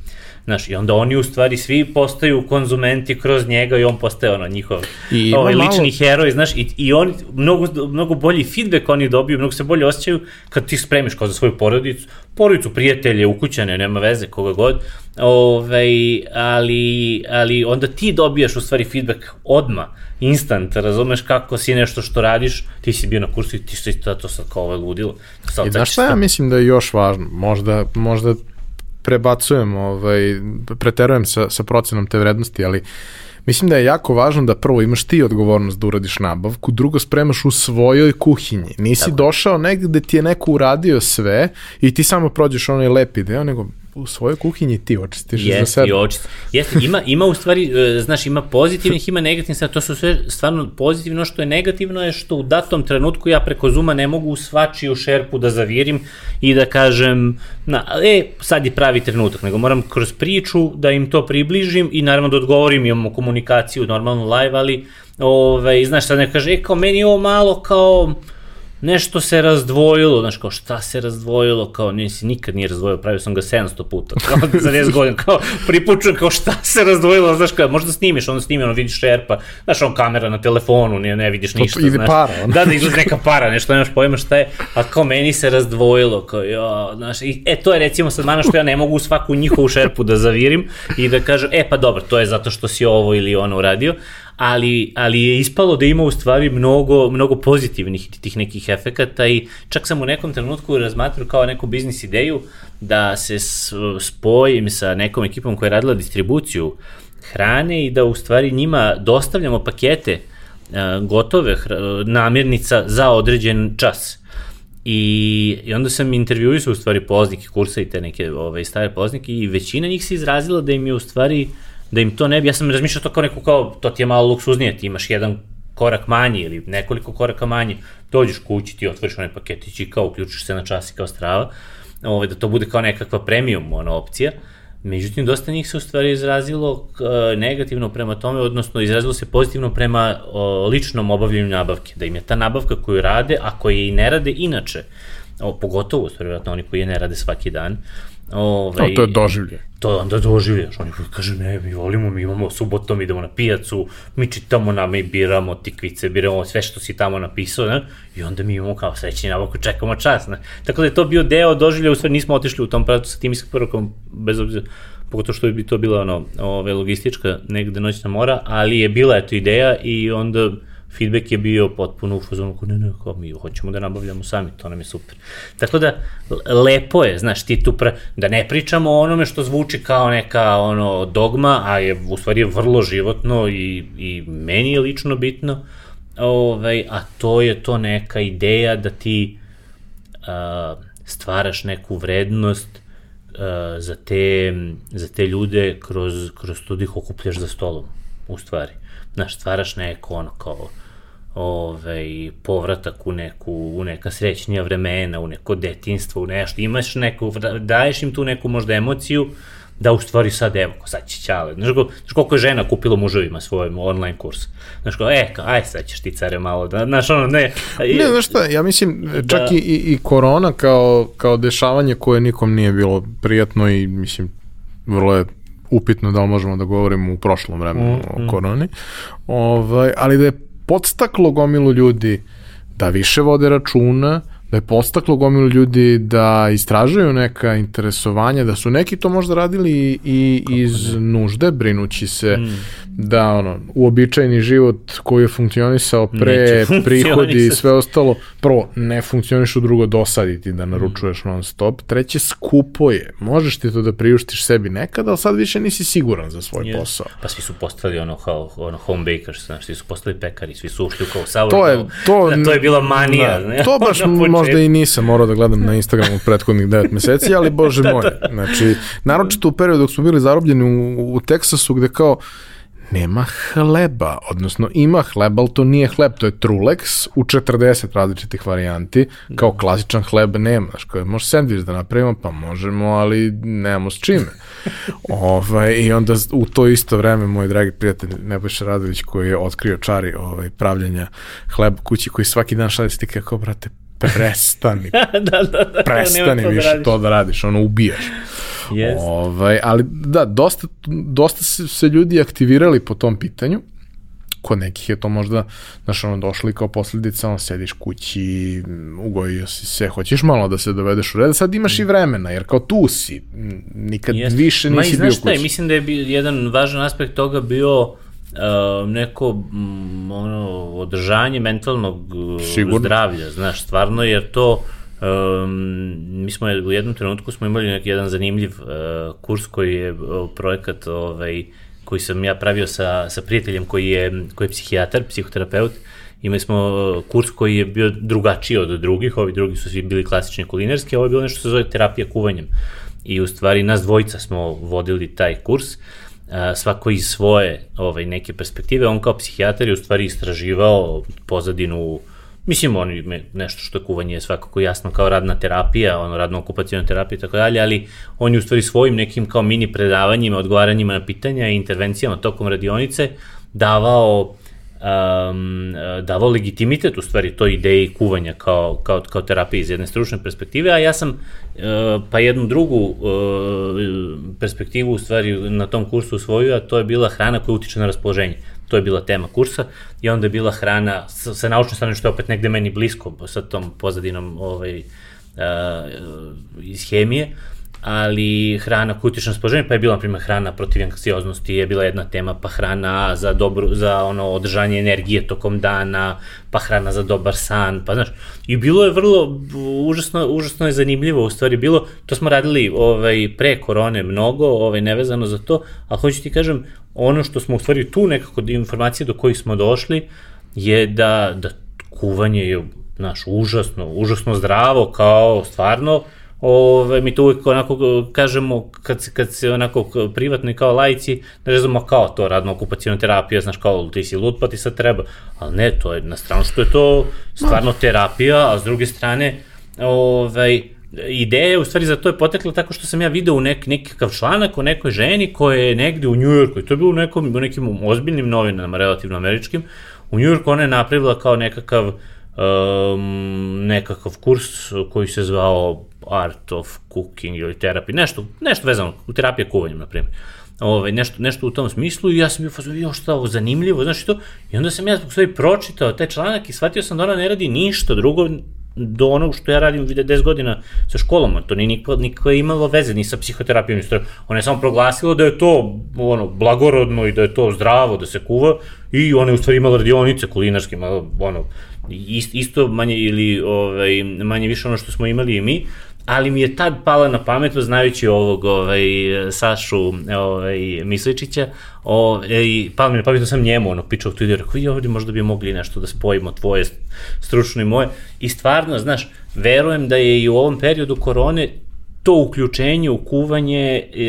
da je, da je bilo užasno, užasno zdravo u stvari za sve oni koji su Naš, na ličnom neko... primjeru mogu da potvrdim. Da, da, da, u nekom terapijskom svi svako je na, ono, na svoj način Mnogo je lakše, posebno ako si muško, znaš, ustaneš ujutru, onda kreneš da sečeš luk, onda te niko ne pravi pitanje što plačeš i tako dalje. Tako je, tako je.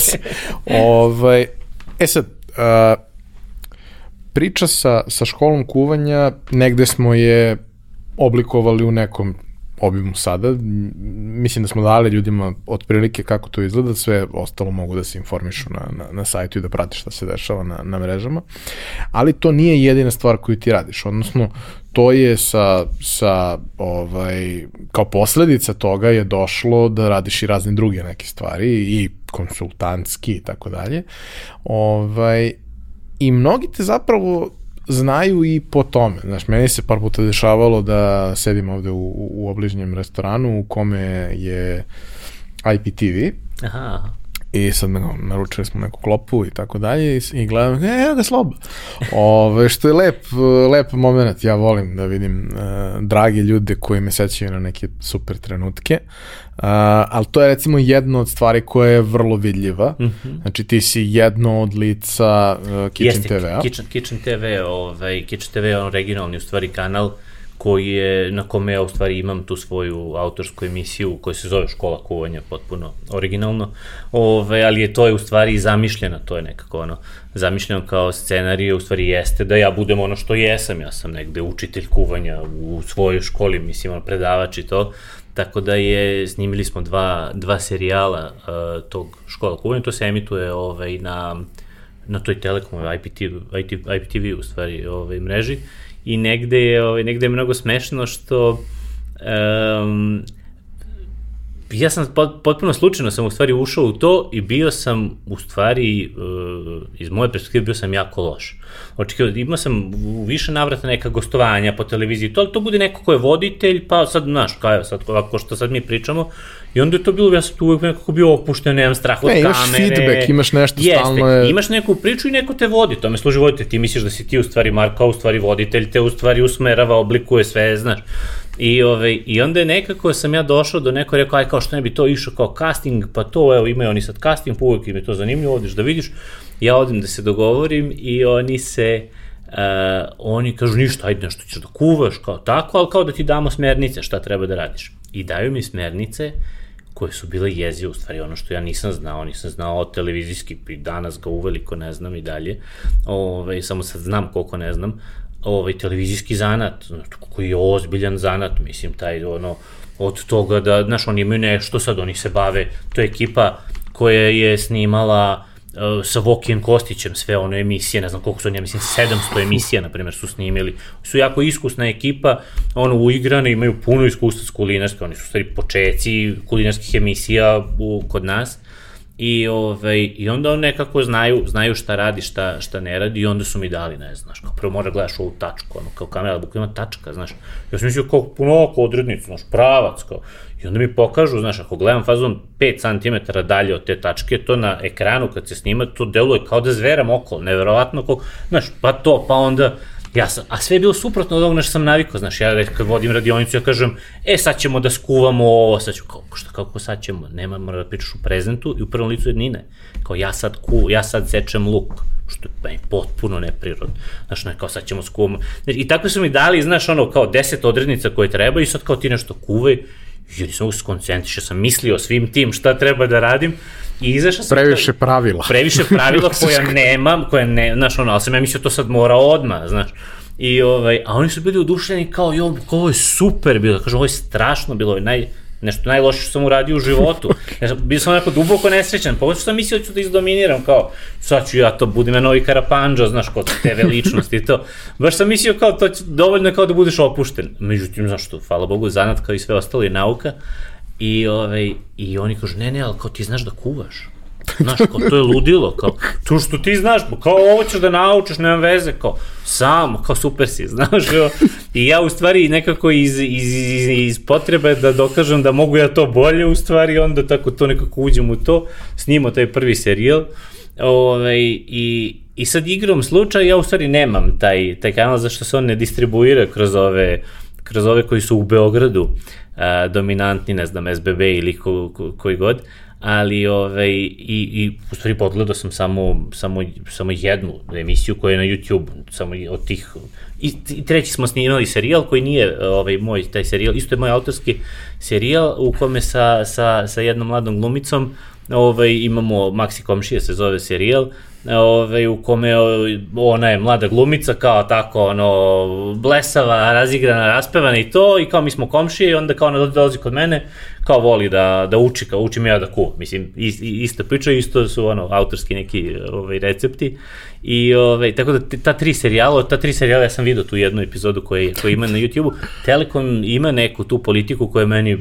potpuno ono, ovaj, e, čudna da u stvari ono YouTube je neprijatelj otprilike jer oni su kablovski sadržaj i onda ne puštaju to što sad ja stvarno nisam nisam iz tog posla to ne, neko pametnije to verovatno smislio ili nije nadam se da jeste, ali u svakom slučaju nemaju tu, znaš, svi su fazom gde možemo to da gledamo, znaš, pa kao možda gledaš ako imaš IPTV, ali nećeš ti sad da bi gledao moju emisiju da promeniš kablovskog operatera, mislim, znaš. Tako da, ali onda smešno, tako da u Beogradu u stvari meni to kao za posao, to je trebalo da bude nešto što je, ima marketinški efekt, znaš, kao ti postaješ neko TV lice na neki način, Ove, ali je, a, to u stvari nije donelo nikakav nekakav specijalan marketički efekt meni za školu, ali mnogo smešno što je van Beograda, gde je IPTV u stvari verovatno jedina neka opcija, znaš, ono, odemo u Pirot, kao mi ortaci volimo, idemo dole, dole, dobre klopo i to je na Pirotu, kao pijaci, ono, kao celebrity, kao Slobodan Rajeta, kao stigo, znaš, evo, i to sa Fićom, idem koji je Piroćanac, a Fiću kao niko, znaš, kao niko ne, ne pomene, znaš, koji je njima ozbiljan, ono, Fića bog, kao uspeha, pir, ono, Piroćanaca u, u Srbiji i to, i ja kažem, Fiću, bre, pa kada ovo je sramota, razumeš, prepoznali me. Ja te pozovem da dođeš da te Dođi kod mene. da. Tako da, ovaj, ali je to super jedno iskustvo i nešto što je potpuno van neke moje zone komfora ovaj, stvarno, stvarno bilo i fe, fenomenalno iskustvo, mislim, znaš, negde kad pogledaš, znaš, stvarno,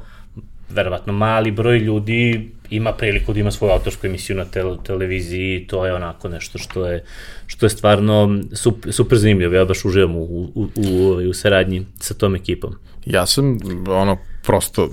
sedeći čekajući da donesu klopu i sve, dosta puta gledao razne sadržaje Aha. koje oni imaju autorski, pošto Bilo je to nekad i uveče kad ne možeš zaspiš kući pa pustiš kitchen, mm. ovaj, onaj 24 kitchen koji, koji je na SBB-u, mm -hmm. koji je internacionalni, ali ja to ne mogu da slušam Uh, zato što u velikom procentu slučajeva je titlovan sadržaj ja ako nije na engleskom, Tako. a nije sve na engleskom, zapravo većina, većina ono što je najzanimljivije da, da, da, da, nije na engleskom, nije. ja to ne mogu da slušam usput. Da, a, znaš, a, tu, a tu ima drugi problem, što recimo 24 Kitchen, ono, poslano, ja se sećam, mislim, ja sam 80. godište, u nekom trenutku je Fashion TV bio, ono, uvek po svim kafićima kao ide fashion, kao neki sadržaj koji kao tu sad idu neki. I dalje u kafićima ide fashion, ali u restoranima u ide restoranima kitchen. ide kitchen, to. Ali ovaj, u svakom slučaju, i onda je kao preuzeo primat 24 Kitchen, u stvari, ali prednost u, za emitovanje u kafićima, restoranima je upravo to što je titlovan. Ti možeš da nemaš zvuk i titlovanje, a ovo što mi radimo u stvari sad kad ide, pošto nije titlovano, nema ovaj, ili možda i jeste, pošto ne znam, nisam gledao, ali mislim da nije. Mislim da nije. Mislim da nije, onda je to u stvari malo problematično za emitovanje u tim kafićima, ako će neko baš sad u kafiću da prati, rec, više kao da te vide. Znaš ti nešto kao pričaš. Mislim, mislim da je tu vrlo značajan moment, to znaš kao ja volim da gledam i jedan i drugi kad imam vremena i volim da kuvam kad imam vremena, znači samo kad je korona. Hmm. Ovaj, ali e, super mi je e, ali imam taj problem, bez obzira na to što se kao e, dostupnost namirnica ovde promenila na bolje mm. u prethodnih 20 godina drastično, drastično i tad, sad u suštini imaš skoro sve ovde. Uh, I dalje pola stvari koje oni pomenu u tom receptu ja nemam gde da nabavim. Ok, imam ja neku ideju kako ću to da zamenim, ali kao, yes. znaš, ono, krenuli smo od bicikla, jeste, završili smo... Ono... Jeste, i to i meni, mislim, ja kad kuvam, mislim, ja kad, kad aktivno radim, onda puno, radimo i puno kuvam u školi, onda stvarno malo vremena provodim kući kuvajući, ali, ali sad opet, eto to kako se izmenilo, provodim više vremena i ja tu imam negde problem, iako sad ja I imam svašta, znači ono sa svakog putovanja vučem gomile nekih začina, lokalnih ovog onoga, Ove, ali uvek to nešto kao nešto fali, ma jo, te ću to da preskačem, pa neću uopšte se bavim time, ako ne mogu da postižem nešto što liči ili da bude autentično, naš, ne, sadržaj ti u stvari utiče vrlo na to koliko ti je to e, ali izgodio. ovo što, što, što je urađeno sa tvojom emisijom i sa još, da kažemo, desetak mm -hmm. negde ljudi koliko ja mogu da prepoznam, još neke znam, mm -hmm. ove, što je urađeno su u suštini a, vrlo lokalizovani autorski sadržaj koji su potpuno prilagođeni tome yes. da ti zapravo možeš to da spremiš. Jest, okay, jest. sve ono što, ima stvari, sve što nabavljamo, znaš, možemo, ima tu malo, znaš šta je tu najveća, recimo, najveća egzotika je, na primjer, da kao kupiš gambore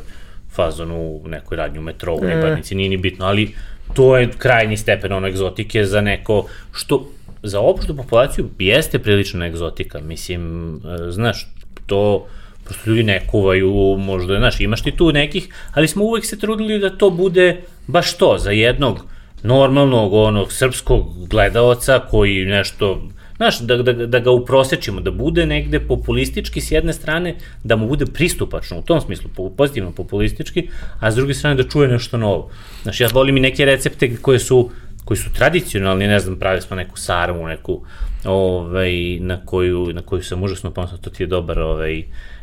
tip ako, ako kuvaš sarmu, ovaj, to je možda jedino stvarno autentično što sam sam smislio ovaj, u životu, pošto uvijek si nešto inspirisan kad kuvaš, nisi ti izmislio sad ti neko kao paelju, znaš, sad ti izmišljaš paelju, vidiš pa nađeš svoju neku verziju, ali suštinski uvek si ti neka hiljadita iteracija nekog ko to kuva. A za sarmu, ovaj, sam smislio uvijek me nerviralo kad ređam sarmu,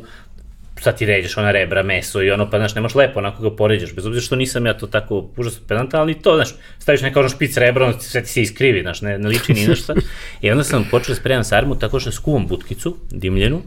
ovaj, kuva se ono 3-4 sata cela butkica i to, izvadim, ostavim tu vodu, no, tu supu ovaj, koje je, to, ako je preslana, ono normalno ispereš u jednoj vodi, pa u drugoj, u stvari, u drugu zadržiš da ti ne bude preslana ta voda,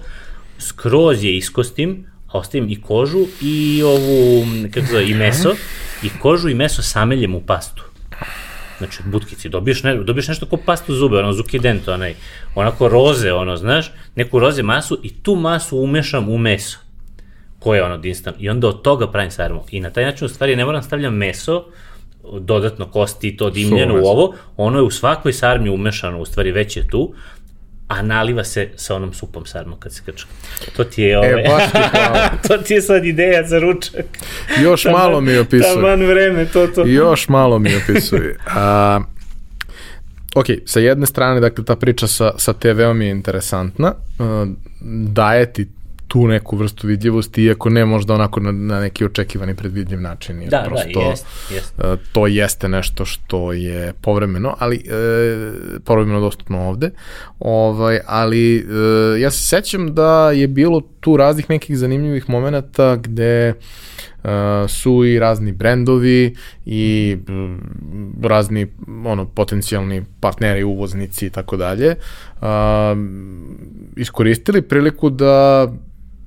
imaju konsultanta koji može da bude i Da, to je u stvari... savet u nabavci, planiranju, ali i neko ko će da prezentuje, spakuje celu priču. Kako je taj deo izgledao? E, Pa znaš, u stvari ceo jedan deo smo u stvari nismo pomenuli, a to je u stvari ta neka saradnja sa, sa firmama i to se u stvari jednim delom odnosi Kao na ovo, building. na ovo što si ti sad rekao u smislu nekog, neke vrste konsultinga ili um, mi smo vrlo često bili mesto gde se, znaš, u,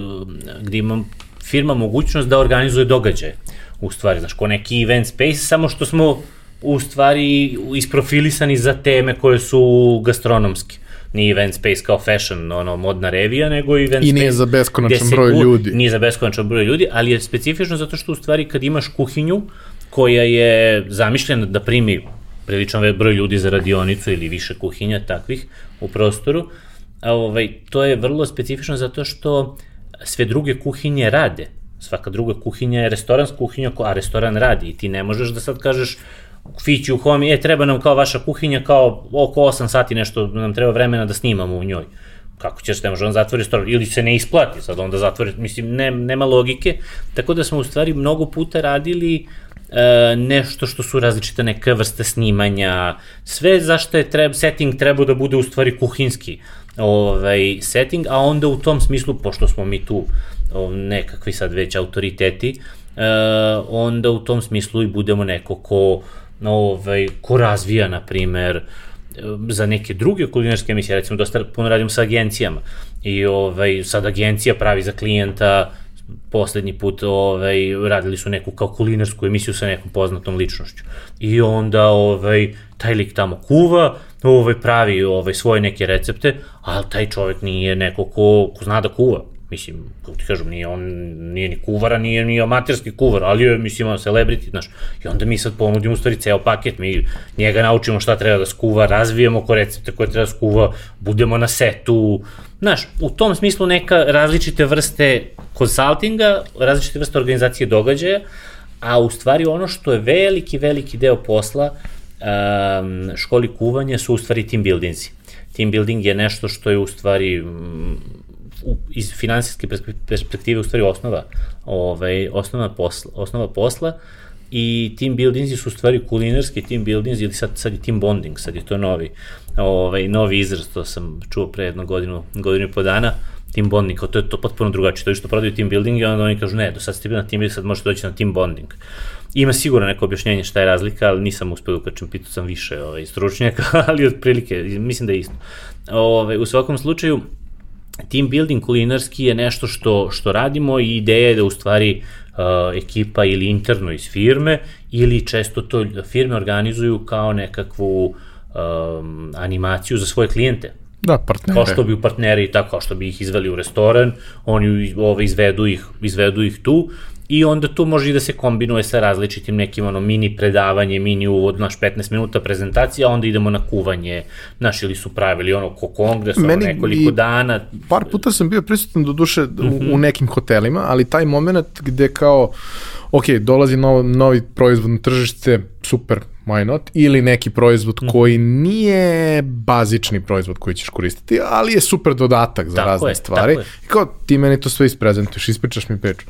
I kao možete da probate. Pa mogu da probam, ali mislim kako da ga probam, daš mi ga u gift bagu yes. pa ja kući nešto. Yes. E, ali ako napraviš to, ako spakuješ Tako sa experienceom gde ljudi stvarno to mogu u realnim uslovima da probaju, da vide kako se koristi u pripremi. Ima da postave pitanja u, kada vide nešto, aha, zašto. Imali smo dosta toga, ali i dalje je to manjina zato što to je, to je, uh, to, to su firme koje se bave, koje imaju ovaj, nekakve gastronomske proizvode, da ne kažem hranu, proizvođači hrane, koji u stvari hoće da isprezentuju to, to nešto svoje i to i onda nešto, pa kuvanje sa tim, pa takmičenje vezano za to, pa sva, svašta nešto. Sve što ima agencija koja radi za njih osmislja, osmislja im svašta i onda to nekako mi ovaj, možemo sve da, da, da realizujemo ili mi za njih da organizujemo naravno,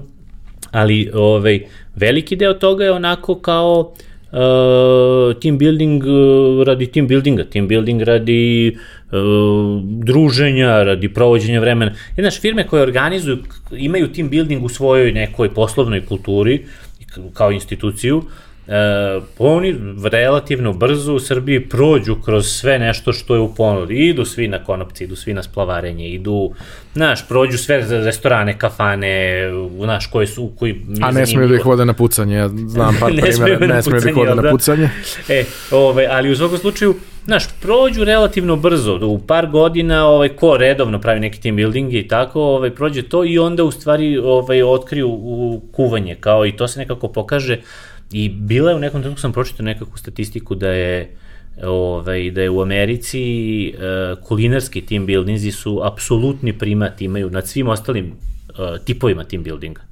Ovaj, zato što ono što sam pričao na početku, kuvanje jeste nešto što ono inherentno spaja ljude, znaš, po definiciji je to nešto što spaja ljude, što donosi dobru atmosferu. Još ako uspeš da postaviš stvar tako, da kao svako ima svoj deo posla, a da bi cela priča bila tako kako je. valja, oni, moraju svi, oni svi moraju da sarađuju. Upravo je tako i postavljeno. Upravo je tako i postavljeno i mene često pitaju ljudi koji su recimo videli školu kuvanja samo ono u američkim filmovima, u američkim filmovima škole kuvanja uvek izgledaju, ona svako imaju, zato što je uvek u scenariju neki se kao dvoje muvaju, pa onda oni imaju svoju onaj kao tigančići svoju, ono, svako ima svoj onaj kao rešo, indukciju ili šta već, imaju svoj tiganj, onda oni kao mešaju tu pastu i nešto se gledaju i to i kao svako radi svoj deo posla. I kao je li to tako kod vas? A nije, u stvari, potpuno suprotno, ne zbog team buildinga, nego zato što je to koncept prvo neodrživ, to možeš za, za pet ljudi organizuješ za 10, ne možeš za 50, kao što smo radili velike team buildinge, ovaj, što u našim prostorima, što u nekim, u nekim drugim. Uh, a, ovaj, radili smo team buildinge do, do, do 150 ljudi ovaj, koji kuvaju, što je potpuno fascinantno, ti kao dođe 150 ljudi, 150 ljudi kuva, znaš, nešto i onda se kao klopaju, kao to što su kuvaju, to je potpuno fenomen, dok je bio mikser ovaj, mm. aktivan, u, često smo sa njima ovaj, e, sarađivali, a, ovaj, i, i u svakom slučaju, um, to jeste nešto gde svi u stvari učestvuju, svi daju doprinos, svi su tu negde, vide šta se dešava. Ne moraš ti svaku, ako se nešto kuva, ne moraš ti sad svaku šargarepu da oljuštiš. Ne moraš ni da vid, ne moraš, znaš, možeš ti da oljuštiš jabuku, a on šargarepu. Ništa nisi ti u gubitku što nisi oljuštio i jabuku i šargarepu, mislim. Znaš, a mora da se oljušti, mora svi nekako da učestvuju i važan deo team buildinga je u stvari da su svi učesnici, da su svi da je hands-on je ono iskustvo, razumeš, oni to, oni lično to rade i i deo magije, a stvarno jeste magično, ovaj, jeste uh, to što je njihov doživljaj da su oni to svojim rukama spremili. I stvarno ga jeste, a ispalo je mnogo dobro. Znaš, i stvarno jeste zato što smo mi neprimetni u tome, koji ih vodimo kroz to kao predavači njihovi, oni koji vode radionicu, mi smo neprimetni jer nismo bitni u stvari u tom trenutku, ne treba da budemo bitni i onda oni potpuno abstrahuju nas da smo mi sad to sve iskontrolisali, da je, znaš, da je to realno u jednim ozbiljno kontrolisanje uslovima, sve rađeno, oni vide da su oni kuvali i zašto je nešto što je bolje od restoranske klope, razumiješ, su kakvi smo mi carevi, znaš, ono izađe stvarno ljudi koji su kao super su se proveli, družili su se, jeli dobru klopu, pili dobra vina, šta god piće i tako, I, o, I opet kažem, nije teško, znaš, ono, dođu ljudi nasmejani, odu još nasmejani i nek, negde mi je lep posao, mislim, svakako. Ali, ovaj, ali, čak i u restoranu je mnogo teže. Ja sam u nekom trenutku sam držao restoran neki u Novom Sadu i mnogo je teže, jer mnogo je podložnije kritici, mnogo je, Ove, mnogo je teži posao u, ugostiteljski, onako svaka čast ovaj, ugostiteljima koji se na pravi način, onako imam apsolutno mak, ono, maksimalno poštovanje za njih, ovaj, budući da sam ja bio prilično neuspešan ovaj, kao, kao, kao gostitelj, ali ovaj, i ne, shvatio sam prosto to nije nešto što bi želeo da se bavim, to, to kao svaki ono kreten misli da, je, da treba da ima kafanu u stvari zato što je bio dobar gost, mislim, ja sam to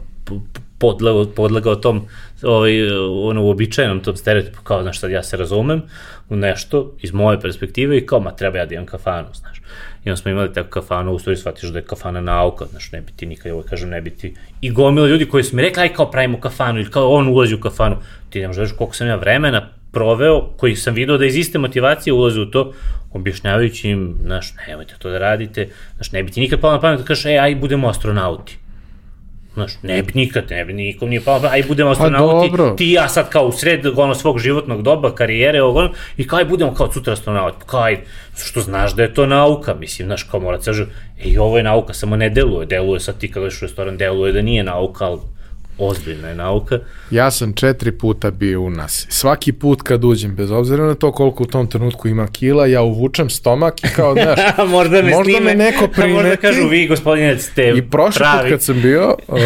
Johnny i Neca su imali jednu celu seriju majica sa, sa motivima Aha, aha. Ove, kosmonauta i jednu od tih majici sa, sa, sa kosmonautom koja je, koja je prelepa sam nosio, a generalno njihov merch u, u nas je baš bez veze. Aha. Ovaj, I dečko koji radi tamo, koji je kao jedan od vodiča koji vode na turu, je kao u sred svega onoga što se došao, što se dešava, prišao i rekao, potošno po ramenu, u sred korone, ovaj, potošno po ramenu i rekao, that's a very nice t-shirt.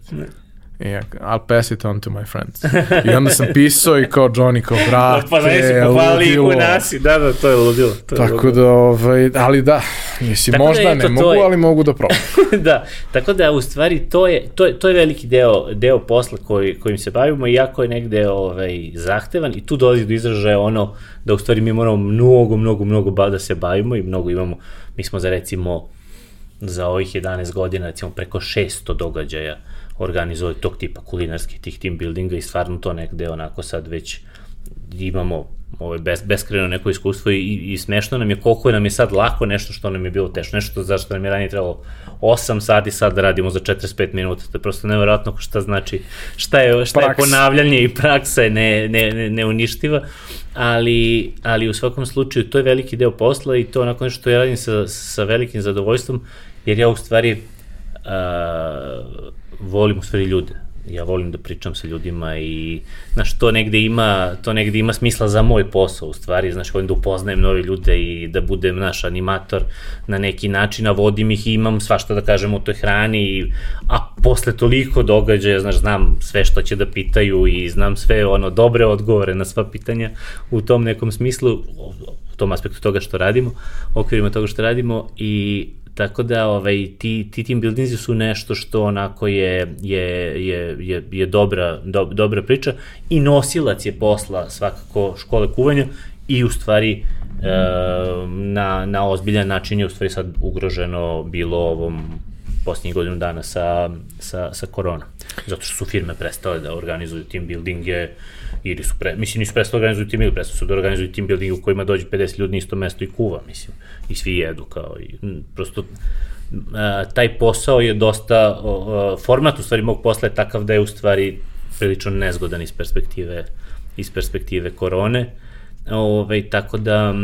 a, tako da u ovom trenutku u stvari ne pravimo ne, ne radimo te team buildinge, tog tipa radili smo nekakve razne online stvari dolne. Dakle, svašta je nešto izašlo umeđu vremenu, znaš, ono, preduzetnički. Upravo e, za sam kraj hoću da te pitam vezano za, za to e, šta ste još radili da se prilagodite situaciji koja se desila, jer prosto um, polazna osnova je podrazumevala fizičko prisustvo ljudi mm, mm. i mnogo intimniji odnos svih koji su tu. Mart 2020. 15. to postaje da bude nemoguće, svi smo mi negde, ok, dobro, ja sam zaglavljen u Americi, ali u principu svi smo mi negde bez u fazonu, hleba. bez hleba, ovaj, trajaće to, pa dobro, dve nedelje, pa ajde, da, da, da, od dve nedelje do dva meseca, zavisi ko je koliko bio optimista ili pesimista. Da, da, ali da, kao lagano silazi, nije... ni, ni, silaziš niz tu krivu očekivanja i kao mm. posle dva meseca si već u fazonu, Dobro, neće ovo tako brzo da se reši, ne možemo više da trošimo ono štek koji smo napravili za crne dane, crni dani će da traju verovatno duže, možda ne baš toliko crni, ali beli biti neće. Mm, mm. Šta ste sve još radili, na koji način si se prilagodio tome? Znaš kako, mi smo, ovaj, nas je to uhvatilo taman u, u vrhunski nezgodnom trenutku, mi smo se godinu dana pre toga preselili u novi prostor, koji je trebao da bude u stvari ono, vel, konačno posle 10 godina velika ekspanzija, tri kuhinje, tri nivoa, dole da bude profesionalna kuhinja koja bi bila proizvodnja, dva nivoa da možemo veliki team building, možemo 100 ljudi da primimo na team building, svašta nešto što je, što je, što je, i tu smo se onako instalirali i to je bila velika investicija, ovaj, to je bilo na primjer u maju 2019. I onda kao malo smo uhvatili leta, ovaj, moj posao je ovaj, sezonski, prilično tako leti je jako teško ovaj, animirati ljude da, da kuvaju, šta god izmišljali. Deset Bilo godina. šta što proizvodi toplotu. Da, deset godina se ja ložim, kao sad ćemo ovo leto, kao pa smo zidamali smo roštilj, pa kao sad ćemo kokteli, ro... ma znaš, neće ljudi da, da se približavaju kuvanje. Probaj ideja, sa klimom. Ideja, ko, ne, ne, ne, sve objasniš ti unutra, znaš, kao pet stepenja u hladnjači radio, ma jo kak. Svi hoće da idu na vodu i u stvari ono što bi ja trebao da radim, a što ne mogu, zašto nemam život za to, imam porodicu, klince i to, ovaj, ne mogu da, na primjer, odem i napravim, na primjer, četiri meseca na moru, kao školu kuvanja, kao plažni bar i kao to. To bi bilo cool. Znaš, to je nešto što je u stvari u nekoj mojoj ideji. Ili makar na reci kad reka ne bi izgledala ovako, kako, yes, i mirisala ovako kako yes, miriš. Jest, Ove, tako da, ovaj, um, u svakom slučaju, uh, uhvata nas to u nezgodnom trenutku jer je u stvari tad to trebalo taman da dođe na, u smislu nekog biznisa na naplatu. Sad imamo prostor, imamo predivno u centru Zvezdarske šume, ono drveće 30 metara, izolovani smo od svega, zna, prelepa jedna ono neka kao predratna vila, o, u, pre, u stilu predratne vile, nije predratna, ali je ovaj, i, i onda nas u stvari to imamo neke kurseve, roštilja, napolju smo kao to, pa je onda bilo kao hoćemo da prekidamo, nećemo. Pa sad, znaš, ti se tu sad imaš ekipu, onda se vidi zašto ljudi dolaze, što je vrlo jasno, dolaze negde iz zabave. Znaš, jer uglavnom ljudi je bilo u fazu, mi kao, ok, ajmo sad mi da poštujemo mer, ja sam bio ozbiljan, ono, frik. Znaš, šta kažu ja to sve do, do tančina, baš sam, i mnogo, nisam volao sve koji nisu tako i tako. Ovaj, bio, malo sam bio ovaj, naporan, ono, i sebi, i sebi i drugima, ali, ovaj, ali, znaš, sreći se s nečim nepoznatim, otko znam svaka, reaguje na neki svoj način, onda sam ja to kao, ok, nema veze, mi ćemo sad se prilagodimo, imamo to, imamo, ćemo vizire, ćemo maske, ćemo ovo, ono, tad se još negde nije normalizovalo nošenje maski kao, kao nešto što je kao uobičajeno ili ono, nego je to sva smatrano ono ko nekim ono, ovaj, kaznom i to. I onda je, I onda su stvari ljudi bili u fazonu, znaš šta, ne možemo sad mi dolazimo, sad ćemo kurs, pa ćemo kuvam s maskama, mi dolazimo tu da uživamo, ne da, ste, da budemo s maskama. Doćemo kad prođe, ono, doćemo za dve nedelje fazu, znaš. I, ovaj, I onda je u stvari, na stranu, s jedne strane zakonska regulativa koja je to sad može, sad ne može, sad radite, sad ne radite, a s druge strane jedna realna u stvari okolnost da firme su prestale praviti buildinge, poslali ljude kući i tako, jedna realna okolnost da u stvari da, da, da i nema u stvari interesovanja u tom, u tom trenutku u dovoljnom obimu da, da, da, da bi to živelo. Ja sam u avgustu, u stvari do avgusta nešto sam gegao, mislio pa hoćemo, nećemo, radimo, ne radimo i tako. Ove, nešto smo buđili, ali onda u avgustu sam u stvari zatvorio taj prostor uh, škole kuvanja na Zvezdari i otvorio u stvari uh, razmišljao o tome šta, šta, šta je ono što treba da se radi. Naravno, pored online segmenta gde smo uveli svašta nešto, počeli smo recimo, ja sam imao kao neki inac, sad kao neće korona nas da, ovaj, da, da zezne, sad ćemo mi svaki dan da šaljamo recepte svi na našu mailing listu, i svi će da kuvaju. Sad će svi da kuvaju. Sad za kaznu ne samo koji će, sad će svi da kuvaju. Sve je besplatno. Znaš, nešto sam ja imao neki kao svoj bunt i to je ispalo super, zato su ljudi super reagovali, bili su fazili kako su vam dobri recept, kao ovo sve uspeva, kao znaš, uspeva zato što nisu, zato što nisu interneta recepti nego naši koje kuvamo kao 10 godina, ali je to bilo super, to se napravio onako community, neki se proširio čak u, u, tom, u tom smislu je i, i, i bilo pozitivno, dalo nam je vremena da se pozabavimo svim onim što ne stižeš, znaš, jer manje više, znaš, ja sam tu uz kolege koji su e, predavači, ali u prodajnom smislu marketinškom, u onom, ja sam tu manje više one man show, razumeš, i onda uz a uz to sam i predavač i neko lice škole i tako dalje. I onda kad mi radimo, kad ozbiljno, mnogo toga je zapostavljeno, nažalost, a dovoljno je mikrobiznis da ti ne možeš baš sve da outsourcuješ, nemaš kao sad kao da ćemo agenciji da nam radi marketing, znaš, koja agencija da nam radi marketing, pre, znaš, ne, pa ovo ćemo ovde, pa ovo ćemo ovde, tako da, ovo je, ovo je dalo više vremena da ja mogu se posvetim različitim nekim aspektima, svašta sam naučio. Ne možeš da ušao sam u email marketing, ove, u te razne platforme, u,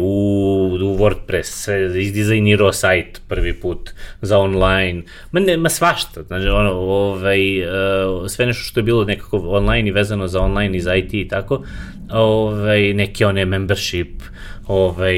platforme, pa vezuj za Stripe, pa Stripe ne postoji u zemlji, pa nešto kako će da se transfer karticama, bavio sam se mesec dana stvarima koje nisam imao ranije ovaj, dodira, ali svašta sam naučio i to je onako super, su, super iskustvo bilo. I ovaj, ali pored toga što je u stvari, uh, što, što smo radili te neke, ovaj, manje više neke te online stvari, um, prijatelji moji i, i, i, i, i gosti su me u nekom trenutku izveli, kad moramo pričati s tobom i kao ti treba praviš ovo imamo mi neku ideju za tebe. Oni su ono mladi milenijalci, potpuni genijalci, ovaj muž i žena, naši ovaj, gosti koji su sa venčanja došli pravo na, na radionicu kuvanja u ono, ovaj, ozbiljnim ovaj, garderobi sa venčanja i oni su rekli, ovaj, znaš šta, ti treba napraviš, sve je to super što ti radiš, ali kao mi nemamo šta da jedemo, kapiraš? Mi, znaš, super si ti, ali mi imamo problem, mi smo tebe zvali zbog nas, ne, nemoj da misliš da smo sad kao mi mnogo kreativni, nesebični zbog tebe, mi tebe zovemo da ti rešiš naš problem. Mi nemamo šta da jedemo, mi svaki dan mislimo šta ćemo da jedemo, ne znamo, po čemu su oni ljudi koji kuvaju, bili su na svim kursevima škole kuvanja, ono, kuvaju su to, ali, znaš, kuvaju, ali neće svaki dan da kuvaju, su mladi, imaju, ne znam, 25, 28, 30 godina, ne znam. I, ovaj, imaju bebu, imaju svoje obavezne. I, o, i kaže, ti bi trebao to da napraviš kao neku, ti praviš klopu i kao mi kupujemo klopu. Mislim, ja kažem, znaš, ne mogu budem catering, to nije nikad bilo, nikad nije bio to neki moj put, to je druga filozofija, mi smo uvijek bili premium, mi smo uvijek bili priča, bili smo edukacija, znaš, nego sad ja budem kao proizvođač neke hrane koja nešto utapa se u moru drugih, pričemu ti drugi to su ozbiljni biznisi koji uložene ogromne količine novca, opreme, kombija, sve, ma mislim sve ono što je nepriuštivo u trenutku kad treba se preživi korona nema apsolutno mesta za ikakvu investiciju, a ne za ono za neku ozbiljnu. I ovaj, oni kažu, ne, ne, a mi smo mislili da to bude, da, znaš, da to bude cool, to bude kao neka pretplata, znaš, kao eto, smim, ne znam, kao razmišljam, i oni mi tu ubace tako seme ovaj, ideje, u stvari o pretplati, kao neki subscription model na hranu, gde se ti pretplatiš i tako, i onda sam ja to nešto krenuo da razrađujem pa kako bi moglo, pa isporuke, pa gde bi se to, i u stvari u roku od um, dva meseca um, ja napravim nešto, stvorim, u stvari, dođem do, do informacija nekakvih naučnih o, vezano za tehnologiju hrane, tehnologiju obrade hrane, o nekakvom brzom hlađenju sam znao o tome, nisam znao detalje. Ovaj, to su nekakvi ovaj, blast chilleri, oni koji brzo spuštaju temperaturu i ti u stvari sa tim brzo spuštanjem temperature imaš uređaj ko frižider koji radi brzo i on umesto da za 24 sata ti spusti kad ti ubaciš iz rerne nešto, a i ne smeš uobičan da ubaciš nešto vruće, u ovaj ubaciš on za sat vremena spusti sve na 3 stepene ili za 3 sata na, na minus 20, zaledi ga ono. Ovaj, I u tom procesu ti produžavaš rok trajanja hrane i, i to produžavaš, dobiješ 7 dana rok trajanja hrane i to je sad iz nekih onih naučnih radova apsolutno dokazano, a onda ako ga vakumiraš u porcije, što mi sad radimo, ti dobiješ još 7 dana samo na prisustvo, na gubitak u stvari vazduha, nemaš ono aerobne ovaj, bakterije i uslov za njihov razvoj i tako dalje. Tako da ti u stvari možeš da dobiješ hranu, što u stvari restorani veliki rade, to je tehnologija da, koja je prisutna u, pripremi, u, da. u pripremi u restoranima, oni to rade i to nije ništa um, u tom smislu neobično, ali je to nešto što sam ja sad u stvari osmislio kao koncept, a da to bude nekakva hrana koju mi spremamo i da to bude hrana koju mi spremamo po nekim ono našim načelima, prema onom u skladu sa svim onim što smo radili ovih 10 godina. Prvo znamo svašta nešto da spremamo, a drugo hoću da to bude vrhunski puter i vrhunsko maslinovo ulje, hoću da ta bude iz najbolje mesa rekupljan taj komad mesa, najbolje sad po meni, ni, znaš, hoću da, da, hoću da bude premium, ne u onom izvikanom smislu premium, stvarno da bude ultra kvad, najbolje, najkvalitetnije što hoću da biram komade mesa ne po ceni, nego po onom što, po, po kvalitetu, po onom što, što znam za šta mi treba i tako dalje. I, I u stvari iz toga je nastao Il Primo at Home, se ovaj, potpuno neoriginalno ovaj, to zove, kao nekakav podbrand Il Primo škole kuvanja. I Il Primo at Home je u stvari nešto što funkcioniše i, i u ovom trenutku. To je znači pretplata na mesečna na hranu i mi u okviru te pretplate na hranu ti dobiješ nedeljni paket na kućnu adresu u, i u tom paketu se nalazi tri glavna obroka, recimo tri ručka. Taj svaki ručak se sastoji, na primjer, predjela glavnog jela priloga salate ili potaža glavnog jela salate, tako, od neke tri ili četiri komponente i to biš ti takva ručka. Ideja mi je bila da, da za ljude rešimo tri dana, u stvari, glavnog, glavnog obroka, uh,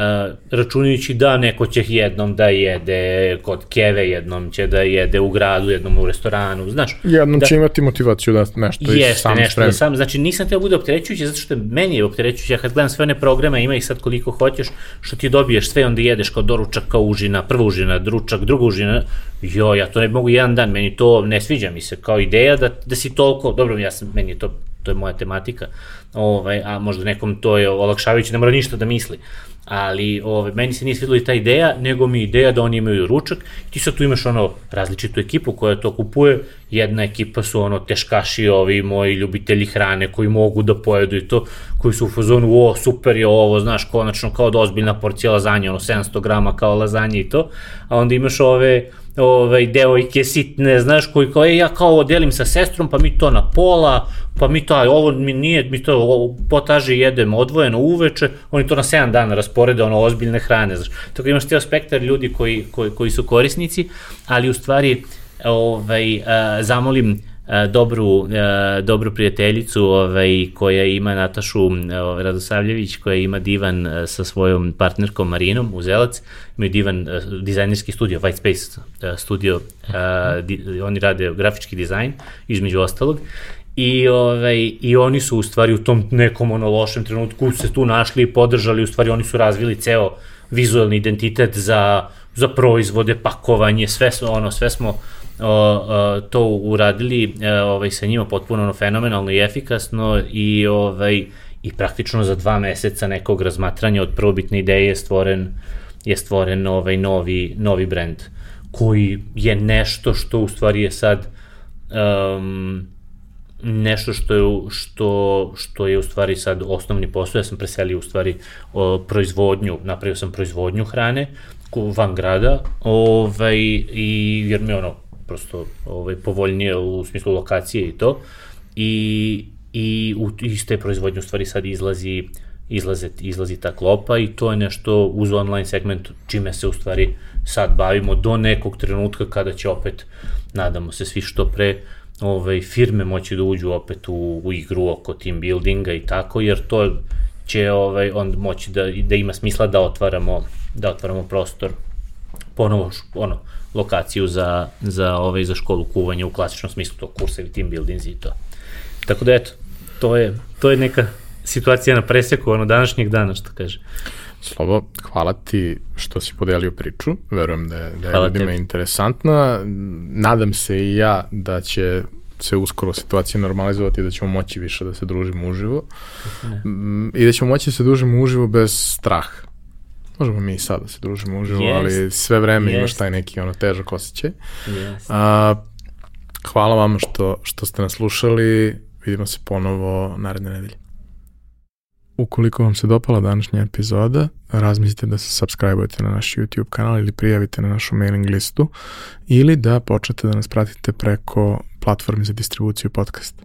Ja bih iskoristio priliku da se zahvalim našim sponsorima, Masterboxu i kompaniji Epson, kao i svima vama koji redovno komentarišete i dajete nam predloge, sugestije, ideje i pitanja za naredne epizode. To bi bilo to.